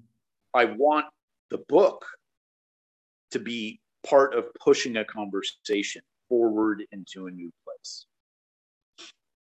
It sounds very ideal. This is what I felt when I read uh, the first chapter. I didn't feel it was anti Zionist. I felt like the protagonist has um, is in, in, in trauma state in a state of trauma. That's how I felt. I felt yeah. like you, you mentioned it earlier. This is like this this I didn't feel like he was anti-Zionist. I didn't feel any or pro-Zionist. I was just a person that was speaking about their experiences, and these kind of experience can cause a lot of doubt in what you do. Okay, it's natural. It's not. It's it's a. I think it's an opportunity for you to, if you don't support this, if you don't support Zionism or support Zionism, it's uh, the the conflict that you're trying to provoke i think by doing so is trying to make people challenge their belief or deepen it research it make it right. make it more profound see what right. happens and not only, right and not only on the level of Bentzi has like i mm-hmm. had like mm-hmm. the uh the voice in that autobiographical essay had is mm-hmm. implicated in history because of things they actually did, what we did, and we live with those things. But it's not just that. We're implicated in history that precedes us. And this is where, you know, there's there are a lot of Jewish references, traditional religious Jewish re- references. As I said, he's a scholar of rabbinic literature. He's sort of between religious and not religious. Um, but when we get to Yom Kippur, there's this phrase that we say that we're not going to stand before you and say, Sadikim anachnu velo chatan, that we are righteous and we haven't sinned. Aval chatanu ve'avotenu. Both we anachnu ve'avotenu chatan. We and our ancestors have sinned. That weighs on us at Yom Kippur as well. We are all people who have sinned in different ways. And we're dealing with the fact that people, that we live the sins of our forebears as well. They were also sinners. There's um, an interesting thing about the golden calf episode in um, Exodus in Shmot that we just read two weeks ago or a week and a half ago um, in in shul in synagogue. And in rabbinic literature, there's one source that says that there is no sin that we ever commit that doesn't have a bit of the sin of the golden calf. Actually, the word there is onkia, which is where the word ounce comes from. That there's an hmm. ounce of the golden calf in every sin. It's not completely wiped away even when you atone for something, it becomes part of you. There's another statement from a different rabbinic source that says all of the calamities and sort of punishments, really, that have come upon Israel have 124th of a little bit of a liter of the golden calf in it, meaning we're still being punished for it. Hmm. Both it's involved in every sin we but also we're still being every punishment that we receive has something of the punishment of something we didn't do. We're implicated in it, even though it happened before we were born. And that idea is, is involved here. Am I guilty for the fact that I'm living in an apartment that was built on top of a Palestinian home where 99% sure the people who were living there were not shooting guns at Jews. Um, and they may have been forcibly removed, they may have been encouraged to flee. Um, and the story of what happened in this neighborhood the morning after the state was declared is told in the book. Um, am I guilty? Am I a criminal for living here? Well, I know somebody who says I am. Um, I was once told online by somebody that if I had any decency, first of all, he called me a Nazi and a rapist. And then he said if I had any decency, I would take my family and move them off colonized land. Now, here's the kicker I then looked at his profile. Blonde guy, European name, typing to me from South Dakota. I'm supposed to move off colonized land. And this mm-hmm. comes up in the book as well. Like, what is a Jew supposed to do? You know, you're sitting in mm-hmm. Australia. Australia is also colonized land. So if you're going to move off colonized land, where are you going to live? Right? I mean, I'm going to have so to divide myself say, I should two. go back to I should go back to Belarus because yeah. one of my grandparents was born there uh, yeah. Where there are very few Jews living there for some really terrible reasons, where we were always, even though this town, Babrus, was at 1.60% Jewish, we were always foreigners there. We felt mm. ourselves foreigners, we were seen as foreigners. So, this idea of trying to find a non colonialist existence for Western Jews is a really problematic thing. Um, for all Jews. Is, for all Jews. And nobody is telling Irish Americans mm-hmm. living in Minneapolis that they need to move off colonized land. Yeah. So, am I guilty for living on top of a former Palestinian home that, in my view, knowing the facts of what happened here, I'm very comfortable using the word it was stolen. Not only was it stolen, the place where I pray on Shabbat is on stolen ground, in my view based on mm-hmm. my understanding of the documented history. I'm not guilty, but I am implicated. And I have to face those implications to be an honest, mm-hmm. ethical person. Doesn't mean that I need to move. It doesn't mean, mean that I need to solve it in this way or that way, but I need to recognize that I have benefited. I've both suffered from violence, from traumas that happened to my forebears, and I've also benefited from traumas that were imposed on other people for my benefit. And that makes it a real challenge. And some people would say, well, how can you live like that? And I have to think that if more of us lived like that, that things might get better. A few mm-hmm. years ago in Australia, there was a famous moment where the prime minister, Paul Rudd, he stood up publicly and he apologized to the indigenous populations for some specific events and for in general what colonialism had, did, had done to them. Did that change policies towards Aboriginals in Australia? I don't know because I don't live in Australia, but I hope that it did. I hope that it increased consciousness just, you know, in my lifetime. Yeah.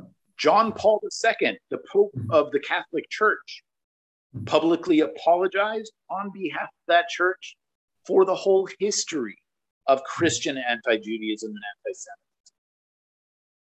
Was that meaningful? Well, I know that the Catholic Church relates to Jews differently today than it did 50 years ago. So I think it can be effective. And I mm-hmm. think if we don't live with knowledge of those of that implication, it doesn't mean we need to be beating ourselves up every. But it's about being yeah. honest, and I think over time that honesty can move us to a different place. Or at least that's my hope.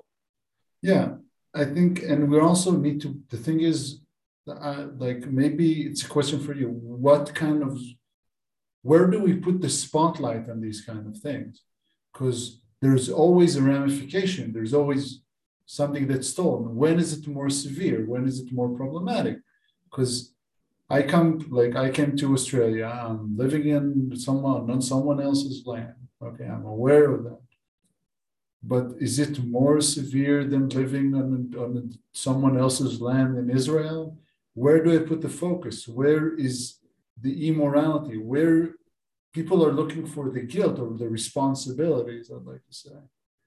Um, and sometimes we need to understand that, that sometimes the responsibility is not always, is, we cannot, it's not always upon us. It's not always up, up for us to approve every aspect of it. Because, well, I didn't steal anything. my, my forefathers right. maybe did, or, or they maybe stole from their forefathers. But for me personally, I don't think that um, making a generational make generational um, circle victimization is not beneficial. Making generational awareness is okay, and putting the spotlight is also okay. Okay. Right. There's also another problem here. Yeah. The other problem is this idea that if you recognize the truth and you feel bad about it, mm-hmm. that somehow makes everything okay. Now you're a moral person. Oh. Feeling bad about it is not a sufficient response either. Yeah. It doesn't like, it's not like, okay, I feel guilty about it, so now I'm a good person because I feel bad. Because mm-hmm. that doesn't help anyone. It's like, well, I, I feel sympathy for Ukraine and I, you know, changed my profile picture on Facebook, Ukrainian flag. And now I feel better about myself because I feel bad about that it's necessary to cultivate empathy through understanding and to face hard truths, but it's not sufficient. And the question of what is sufficient is an open ended question that I think we need to keep facing all the time. Maybe humanity will move to a place where we're no longer violent. I don't know. Uh, I, am not actually that optimistic about us personally. Mars. I think we need to talk I think we need to try. And I think if we don't face the truth, mm-hmm. if that person in South Dakota thinks he can point fingers at everybody else in the world, or maybe just specifically at Israelis, and that makes him a good person without being conscious of what what happened there in the land he's living on, mm-hmm. then I think we get nowhere. Um, you know, one of the things that has been brought up to me talking about comparing these. You know, some people say, well, you should have stayed in the US. And that, you know, because colonialism, for the most part, is already accomplished in the US, it's better to live there. Now, I find this to be a very dark position because, as violent as our history has been with Palestinians, and as much as I think we have avoided taking as much responsibility as we need to, even though, look, it's difficult. My, my kids are all going into the army in the next few years. Um, so it's not that I don't recognize the threat and the violence. I just think yeah. that it comes from a mechanism that we need to change in some way. And I don't mm-hmm. have the answer. I really don't. I have an opinion, but I'm not going to give it here because that's not what this book is about. And that's not mm-hmm. really what i'm about. Mm-hmm. um, but the ugly idea is this. As bad as even if you take the view that zionists came in here as colonialists and affected a genocide against another people an ethnic cleansing and what we have today is apartheid. These are the the like strongest terms out there even if you accept those terms, we haven't done what was done in North America. 90% of Native Americans were killed. We have not killed 90% of Palestinians, thank God. Um, and not just because I have plenty of Palestinian friends, um, and not just Palestinian friends. You care about human life, it doesn't matter. I care about human life. Also, like here's the thing people tell me that, well, Palestinians want you gone and dead. And I'm like, you just went to the pharmacy. You had no problem having a Palestinian fill your prescription. If they wanted you dead, they could kill you right there. Put a cyanide tablet in your antidepressants, you're done. Palestinian truck drivers are driving the highways here if they really wanted to kill all Jews, they could have a coordinated thing where they just create carnage on the highways, crashing all their trucks into cars. They don't want to kill us all the time. But no. my point is this all the time. Okay. To say, to, or ever, I mean, most of them don't want to kill me ever. Certainly my Palestinian let's, don't want to kill me. And okay. colleagues, I have Palestinian colleagues, I oh, have I'm Palestinian sure, clients. Yeah. I'm sure it's not just an individual thing. They're not sitting around thinking like, how can we kill off all the Jews? Because like, you know, they have to, you know, clean their kitchens and take their cars in for a test and get shots for their dogs or whatever. Like life goes on. People are like a little too busy to be contemplating how to like kill everybody else. But here's the deal. What I want to say is very ugly is the idea that it's better to live in the US because already 90% have been killed. It's complete. So now it's okay. Not only that, that it happened, what, five decades decades earlier? What's five decades in the in the scheme of history? Um, like five grandfathers. Third of all. Third of all. Isn't it in some senses if you say that it's ongoing here? And I think that there are ways that it is ongoing here. I got a call this morning from a Palestinian friend of mine who lives at Shuafat, which is a neighborhood slash village not far from Har Hatzofim, uh, in the north of Jerusalem. Har Hatzofim is where the Hebrew University is. Mm-hmm. And she has on ancestral land that is privately owned a large olive orchard and a vineyard. She calls up this morning and she says there are these Canadian archaeologists that brought in all these laborers and they're digging up my vineyard. And they have permits from the Israeli government to do it. And there's nothing I can do about it.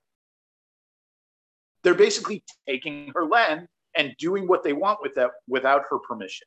So is it ongoing? Yes. And as a matter of fact, when we're done with this interview, I'm supposed to call her back and we're gonna I'm gonna try and help her figure out a response, like who she can appeal to. And also, we both are realists. We know that that appeal will work differently if it comes from a Jew. Mm-hmm. That's just the facts of things here. So the point is that it's ongoing here in many senses. Isn't it better to be in the place where it's ongoing, where I can actually reach out and help my friend? as opposed to living in a place that is covered with Native American names, knowing that hmm. 90% of them are killed off. And now it's a bunch of decades later. So now it's okay because the implication then is, and this is the this is the opinion of some people who even sit in the Knesset, sit in the Israeli government, that we just need to get it done. And then after that, we can say we're sorry for it or whatever. Like we need to like expel all of them or 90% of them. And then, you know, Ben Gurion very famously is is believed to have said this isn't documented, but it certainly captures an attitude that the old will die and the young will forget. Hmm. That's a hideous thing. Hideous thing. it's true, but like I just I just want to go back to something that like first of all, it's not as uh, the problem is when you get to in a victimization fight. Who's more of a victim? And and when someone like that, when someone like that gets like you're fighting a victimization but who's more right? It, it doesn't go nowhere, never goes anywhere. It just right. both of these sides feel bad about it, and we're done. And like, and, and there's no resolution. Responsibility, right. which you did, actually make sure that something does happen.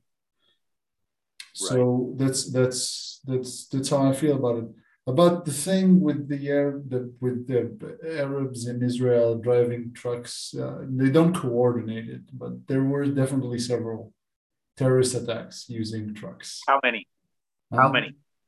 Well, how many trucks are on the highways today, and how many historic have been engaged in any sort of a ramming attack? What's I the percentage? I, I don't know what's the percentage, but it's there. It happens. You just only need one to get paranoia. I uh, get in my car tonight to go to my son's basketball game, which is outside the city. I'm going to be driving in those on those highways. I don't feel I'm at risk Okay. Well, you don't, but some others do, and justifiably sometimes they do because that's what they see. Like I don't not justifiably, but you understand why they see what they see. You understand why they think what they think. Okay, there is. I may have a different understanding of it than you. Okay. Because I think it's. I think we're taught fear. Mm-hmm.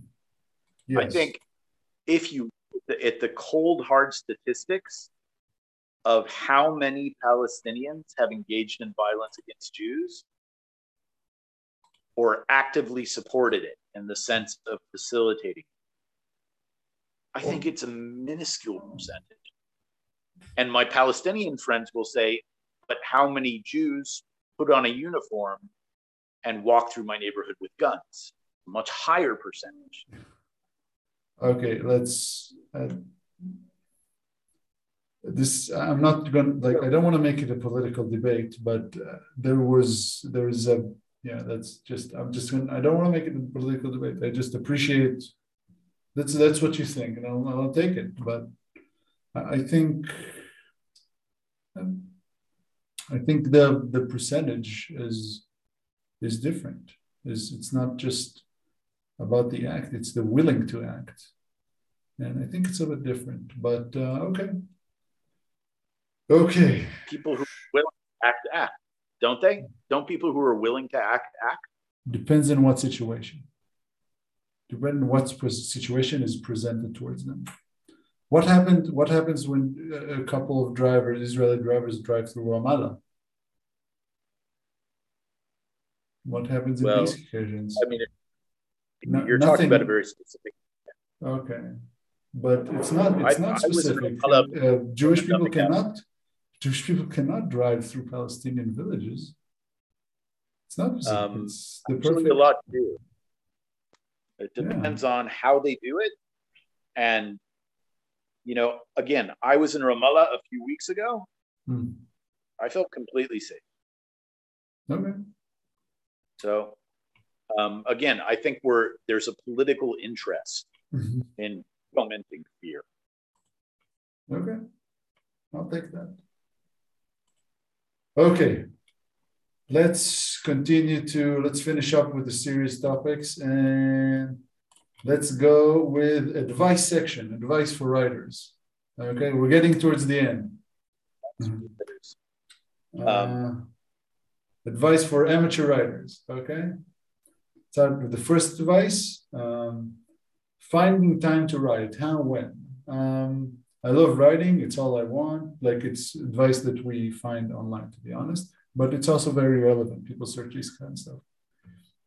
I love writing. It's all I want to do. At a point, I'm at a point where uh, I actually resent uh, uh, resents time doing anyone anything else, work, chores, errands, etc. Absolutely cannot afford to quit my job, and all the course are necessary, or I wouldn't be doing them in the first place. Maybe I'm just ranting, wishing I could go off the grid and do nothing to, but to write. But write. Of course, even if I could, there is no guarantee I'd get published, much lesser bestseller. I squeeze every little bit of uh, writing time I can find, but I'm getting more and more irritated what uh, at what used to be ordinary daily things. does anybody feel this way? How do you deal with it? How do you deal with lack of time to write, or saying lack of time to write? I feel like it's the way it is in any other ones. I don't think that that's something that I can answer in a blanket way because everybody's situation is different mm-hmm. and the impediments that they face finding time to write are different. I think, first of all, I'm reminded of the great short story writer Raymond Carver, who much of his greatest work, and I wouldn't wish this on anybody, supposedly he would go and sit in his car at night in the winter and scribble in notebooks because that's the only time and the only space that you can find. I don't know how true it is, but that's a very extreme example. And that's an example of somebody who was, first of all, a great talent. He's had an enormous influence on uh, English literature. But also somebody who was writing because he had to write. Some people write because they have to write, like they have to eat. And they are always going to find time.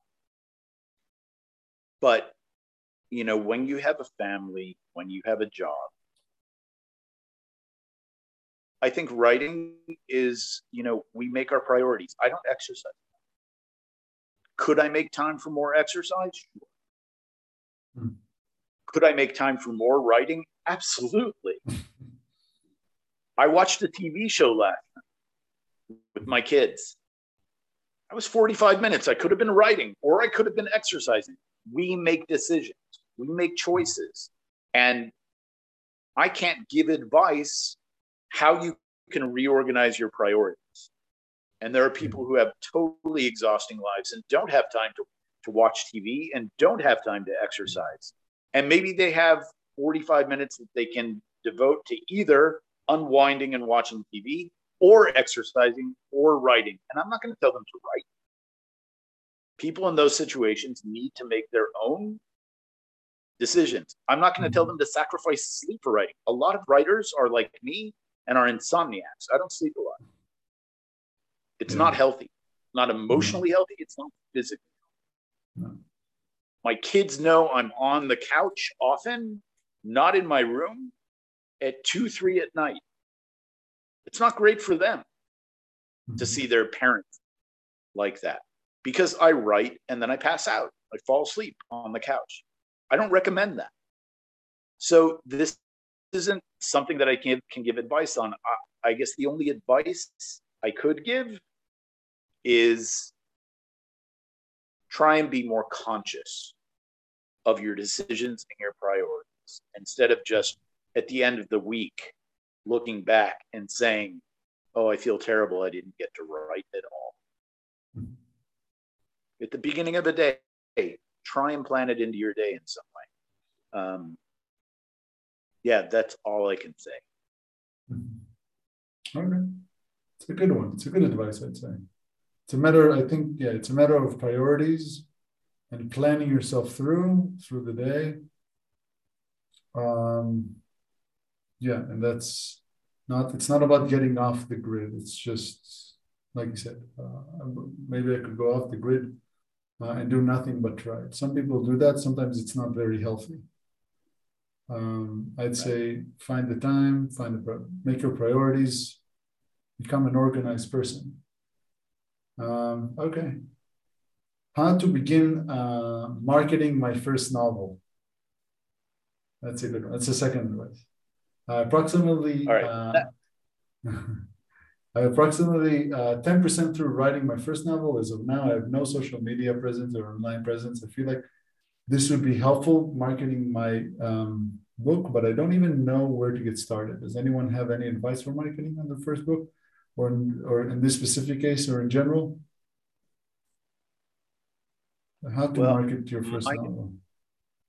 Okay, so first of all, I haven't sold this novel yet. Yeah, I'm working on. It. So my advice won't be authoritative. on the other hand, I do have friends who are published novelists, and they, they say their advice won't be authoritative either because it tends to be very idiosyncratic. Most of them who have published novels have come through MFA programs. So there's sort of a, an institutional channel for it. I would say the first thing to do is just try and find other writers who are publishing and get a lot of different angles on how they did it. Mm-hmm. There is a ton of information, maybe too much information on the web about how to write a query letter to and they don't all agree, but there are some things that they share. And I think it's worth spending some time looking at those things. I will say that there are two things that are the most important, or from what I understand, are the most important. First of all, make sure that if somebody says, Yes, I would like to read your manuscript, it's ready and not just one chapter. Yeah. Do as much work as you can. And again, it's potentially infinite. My novel will never be finished, like I told my daughter. Um, but make sure that before you even start, your manuscript is in as strong a form as you think will represent its assets. People are always going to ask you for edits, for cuts, change this. That's always going to happen. But make sure that the strongest points of it are as polished as possible. Number one. Number two, read lots and lots of query letters and then spend, don't just write one. Keep drafting it and redrafting it and redrafting it. I've now rewritten my query letter at least 500 times. Mm-hmm.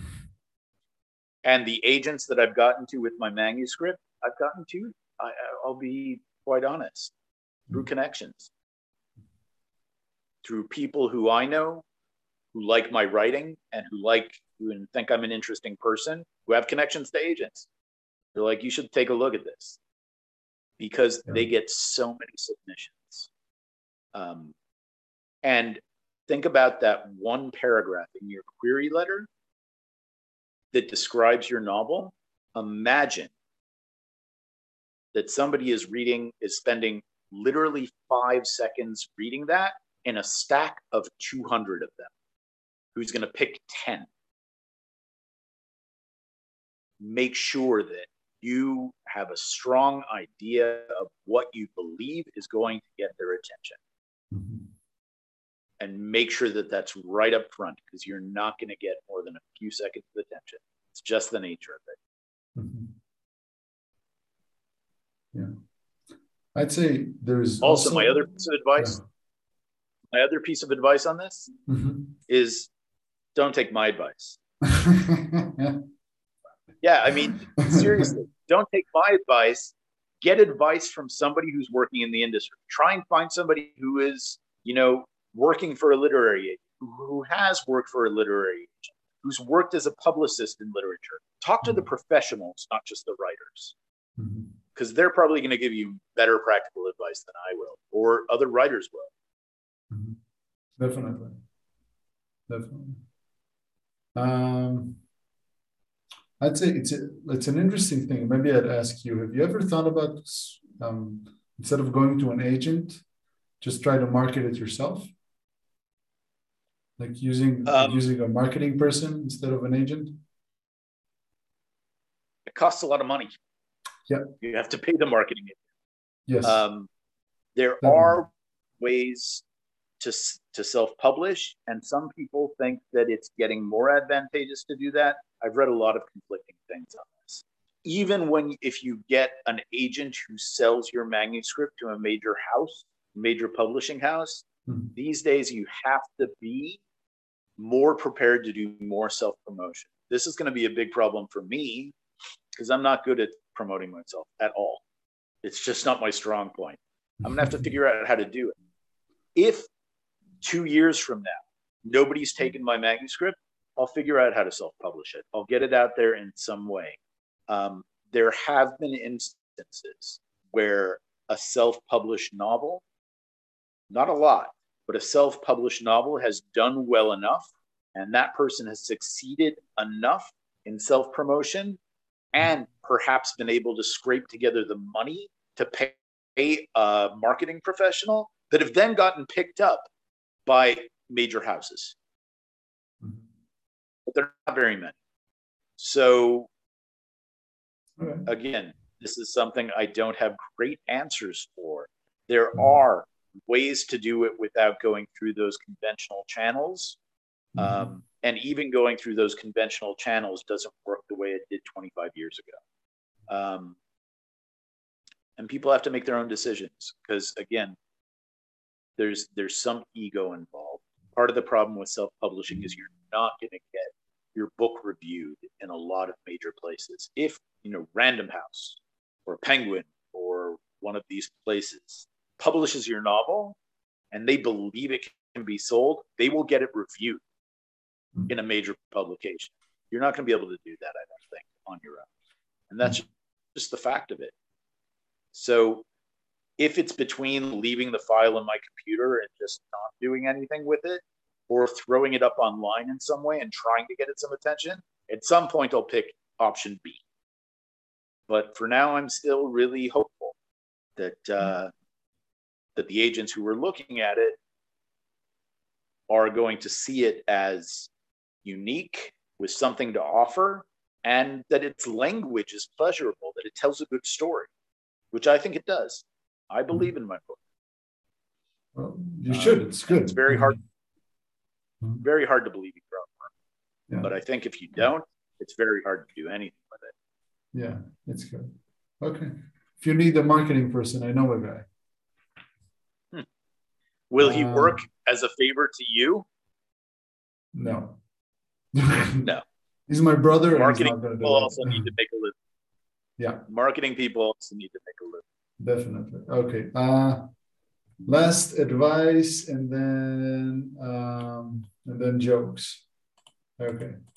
How to protect myself from oversharing and plagiarism. First of all, I love writing and drawing my own characters and stories, but I usually end up keeping everything I produce as an artist to myself because of fears.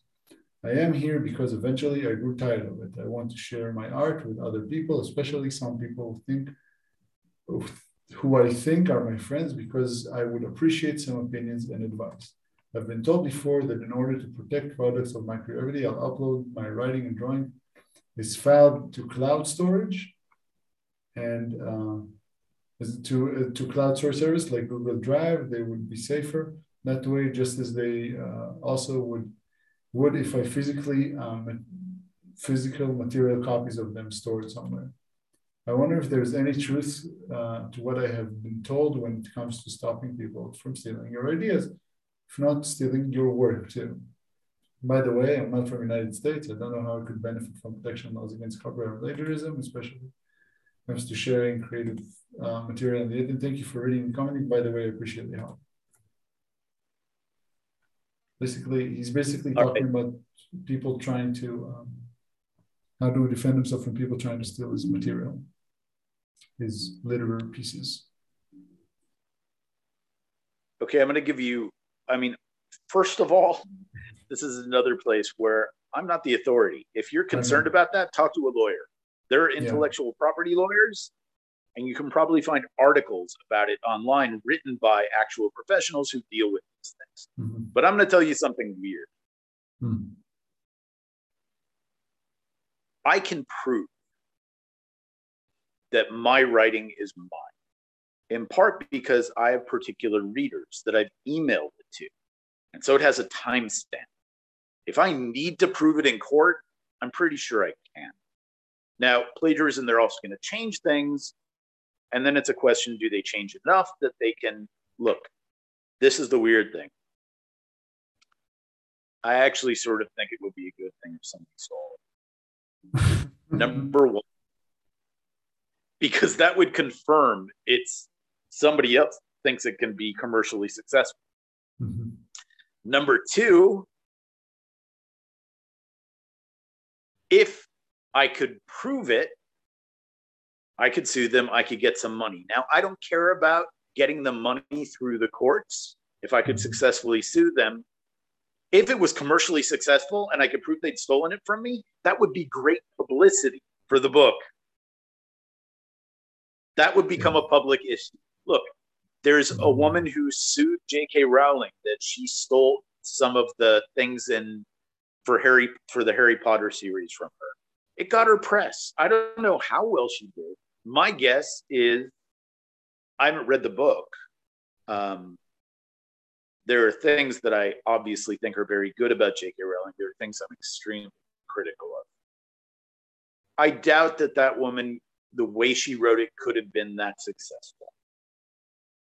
I don't know if it was settled out of court or not but I know articles were written about it because I know about it.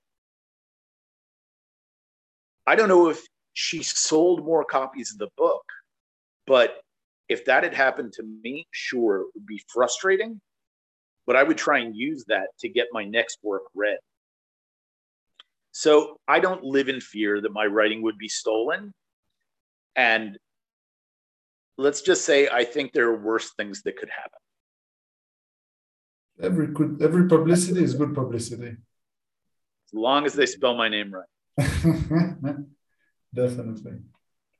Definitely. Okay. Um, okay. Jokes. By the way, That might be naive, of, but that's how I feel.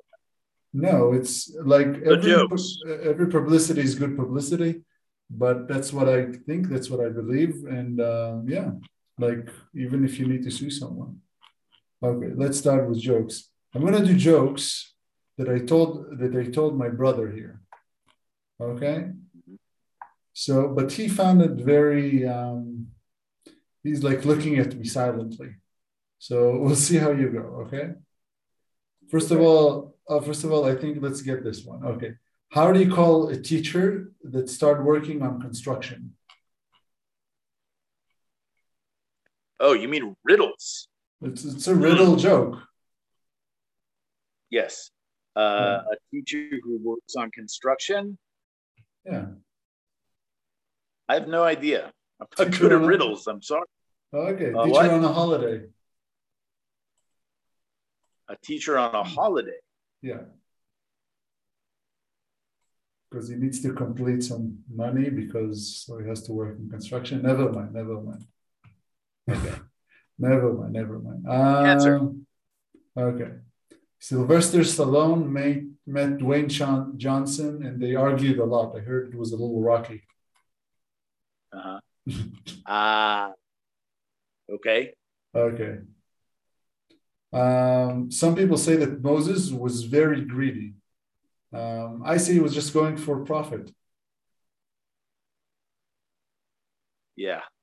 Okay. These are the kind of things if I said them in front of my kids. Yeah. It would not go well. You can take it if you want to. These are sure. these are yours as much as they're mine. Uh, okay. Okay. Let's get Let me ask you one. Yeah, okay. How do we know that Jesus was Jewish? This is going to get me in trouble, but how do we know that Jesus was Jewish? Uh, it's no censorship. Nobody cares. How? He was in his 30s. He was living at home. He's, he was in business with his father. His mother thought he was God, and he swore she was a virgin. it's good. It's good. Good stuff. Good. Um, I don't know if you can see. I have no, you can't see. I have a Norm Macdonald shirt on me, so I, I like this kind of uh, it's kind of of humor of wasting your time humor, uh, or yeah. just silly dad jokes. Um, he was the he was the master of that. Oh, definitely. He, he could go on for like twenty five minutes with the same joke. Yeah.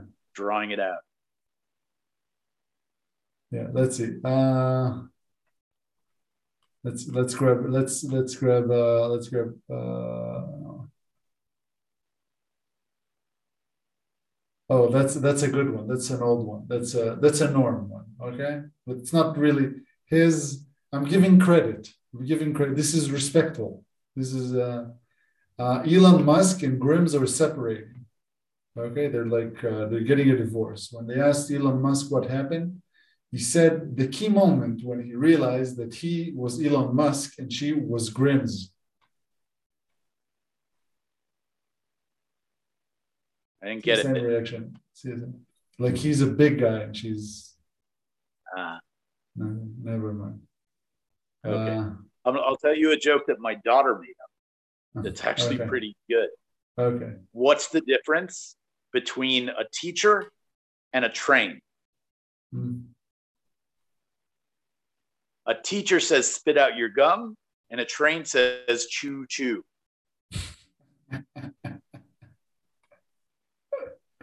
There's a good one. It's a good one. Uh, okay. Okay, now we're getting to nonsense questions. So these are okay. really silly questions that we're trying to answer, but they're silly questions, you'll see. Okay. So, like the first one. So, um, would you prefer blowing your nose into a handkerchief or a toilet paper? Like a fabric toilet paper. Why? Toilet paper. Handkerchiefs, but I use them to like in terms of uh, for sweat to uh-huh. mop off the sweat. I don't like blowing my nose into something that then I keep it. Yeah, that's very. Um, they do it in India. They used to do it. Yeah, like they have the thing. Uh, okay, that's reasonable. Reasonable, I'd say. Even uh, even for the risk of having bad toilet paper and have a little scratches beneath your nose. Okay. Mm-hmm. Okay. How about dancing on a rooftop or in a downtown basement? Rooftop. Well, it depends on the month. um, in the middle of the winter, probably a basement. Uh, yeah. The rest of the year, a rooftop. However, I will tell you, I lived in New York City for about 10 years. Yeah. And me and a group of friends, we occasionally went to this sort of dance party that was held in the mm-hmm. hold of a ship that was that was anchored right off Chelsea, the Hudson River. And we oh. danced all night. And the great thing about it wasn't just that you were in the hold of a ship, is that they would have artists live, like doing paintings on huge pieces of paper and canvases on the wall. Mm-hmm. So the music was great, the setting was cool, and while you were dancing, you could watch people producing art. Mm-hmm. It's a very fond memory. That's fun. Yeah. That is fun. I'd say as long as it doesn't rain, even if it's on winter, I'd prefer the rooftop. Yeah. As long as it doesn't rain. Like even if it's if it's really cold, like just dance, you get warmer. Who cares? Um, Okay, here's another one. This is one of our guests last week. Um, when you take the toothpaste out of out of the out of the toothpaste thing, do you start at the top or at the bottom? Um, I'm embarrassed to say this. I squeeze from the middle. But then you um, split them in half. But that the best way to do it is from the bottom, but I've never been able to do that habitually. I just squeeze it from the middle, and then I probably end up wasting toothpaste. But you know, that's how I do it. It's okay. You don't have to feel bad about it. It's uh, I do it the same, but every time when it reaches the end, I start folding the down part, and then I get all the juices out, all of it. So that's you can eat your cake and you can have your cake and eat it too. It's all right. Um, let's see. That's that's a bit more of a thing. Would you prefer writing on a computer or feeling a little bit nostalgic on a typewriter? Computer. Always computer. Always computer. Always computer. Okay. Okay, I think we're done. Um, thank you very much, Ori. Uh, I really appreciate uh, you coming in today and talking about these things. It was a pleasure for me to host you at any point. Okay, every each and every point of it. Uh, even if sometimes I hear things that are uncomfortable for me, but this is just the way life goes. Yeah, it just is. Um, well, thank you for the opportunity to make you uncomfortable. Oh, thank you very much for making me uncomfortable. It's nice uh, it's a nice feeling. Um, yes. So if you want to, if you're interested in, um, if they're interested in in reading your essays or your book, where do people should go? Well, I, I have some, you know, political writing that you can Google. I've written some op-eds, mm-hmm. but uh, you know, my unpublished writing is obviously not for circulation yet. But I'm hoping within a year or so it will. Okay. So um, where was where would where could they find your um, your your uh, like other than Google? Where could they find specifically your writings, uh, your political writings? Uh, the, I published pieces in the Forward. I published a piece in Moment magazine. Uh, mm-hmm. I've published in Haaretz. Mm-hmm. I haven't published anything recently because I've been putting all my time and energy into the book. But those mm-hmm. are the main places that I've published. Thank you very much. Um, if you enjoyed today, uh, and even if you didn't, uh, you can share, subscribe, or comment. Keep a keep up liking. We have more and more views lately than subscribing, and it's fun to host um, other people and just uh, not making always nonsense with my brother. Next week, as we said, we have a special guest um, about that's going to talk to us about the Ukrainian-Russian war. It should be wonderful. Um, we have other guests coming in. We have a doctor of linguistics next, uh, and it's going to come in. And we have um, a science teacher that is going to come in very soon. So it's going to be very lovely and very nice. Um, thank you very much, uh, Dr. Weisberg. And uh, I hope to hear from you soon and see how this book develops. I will read it when it comes out, definitely. Um, Thank you. Thank you for the time. No worries. Thank you for your time too, definitely. Okay. Be well. Okay. Be well.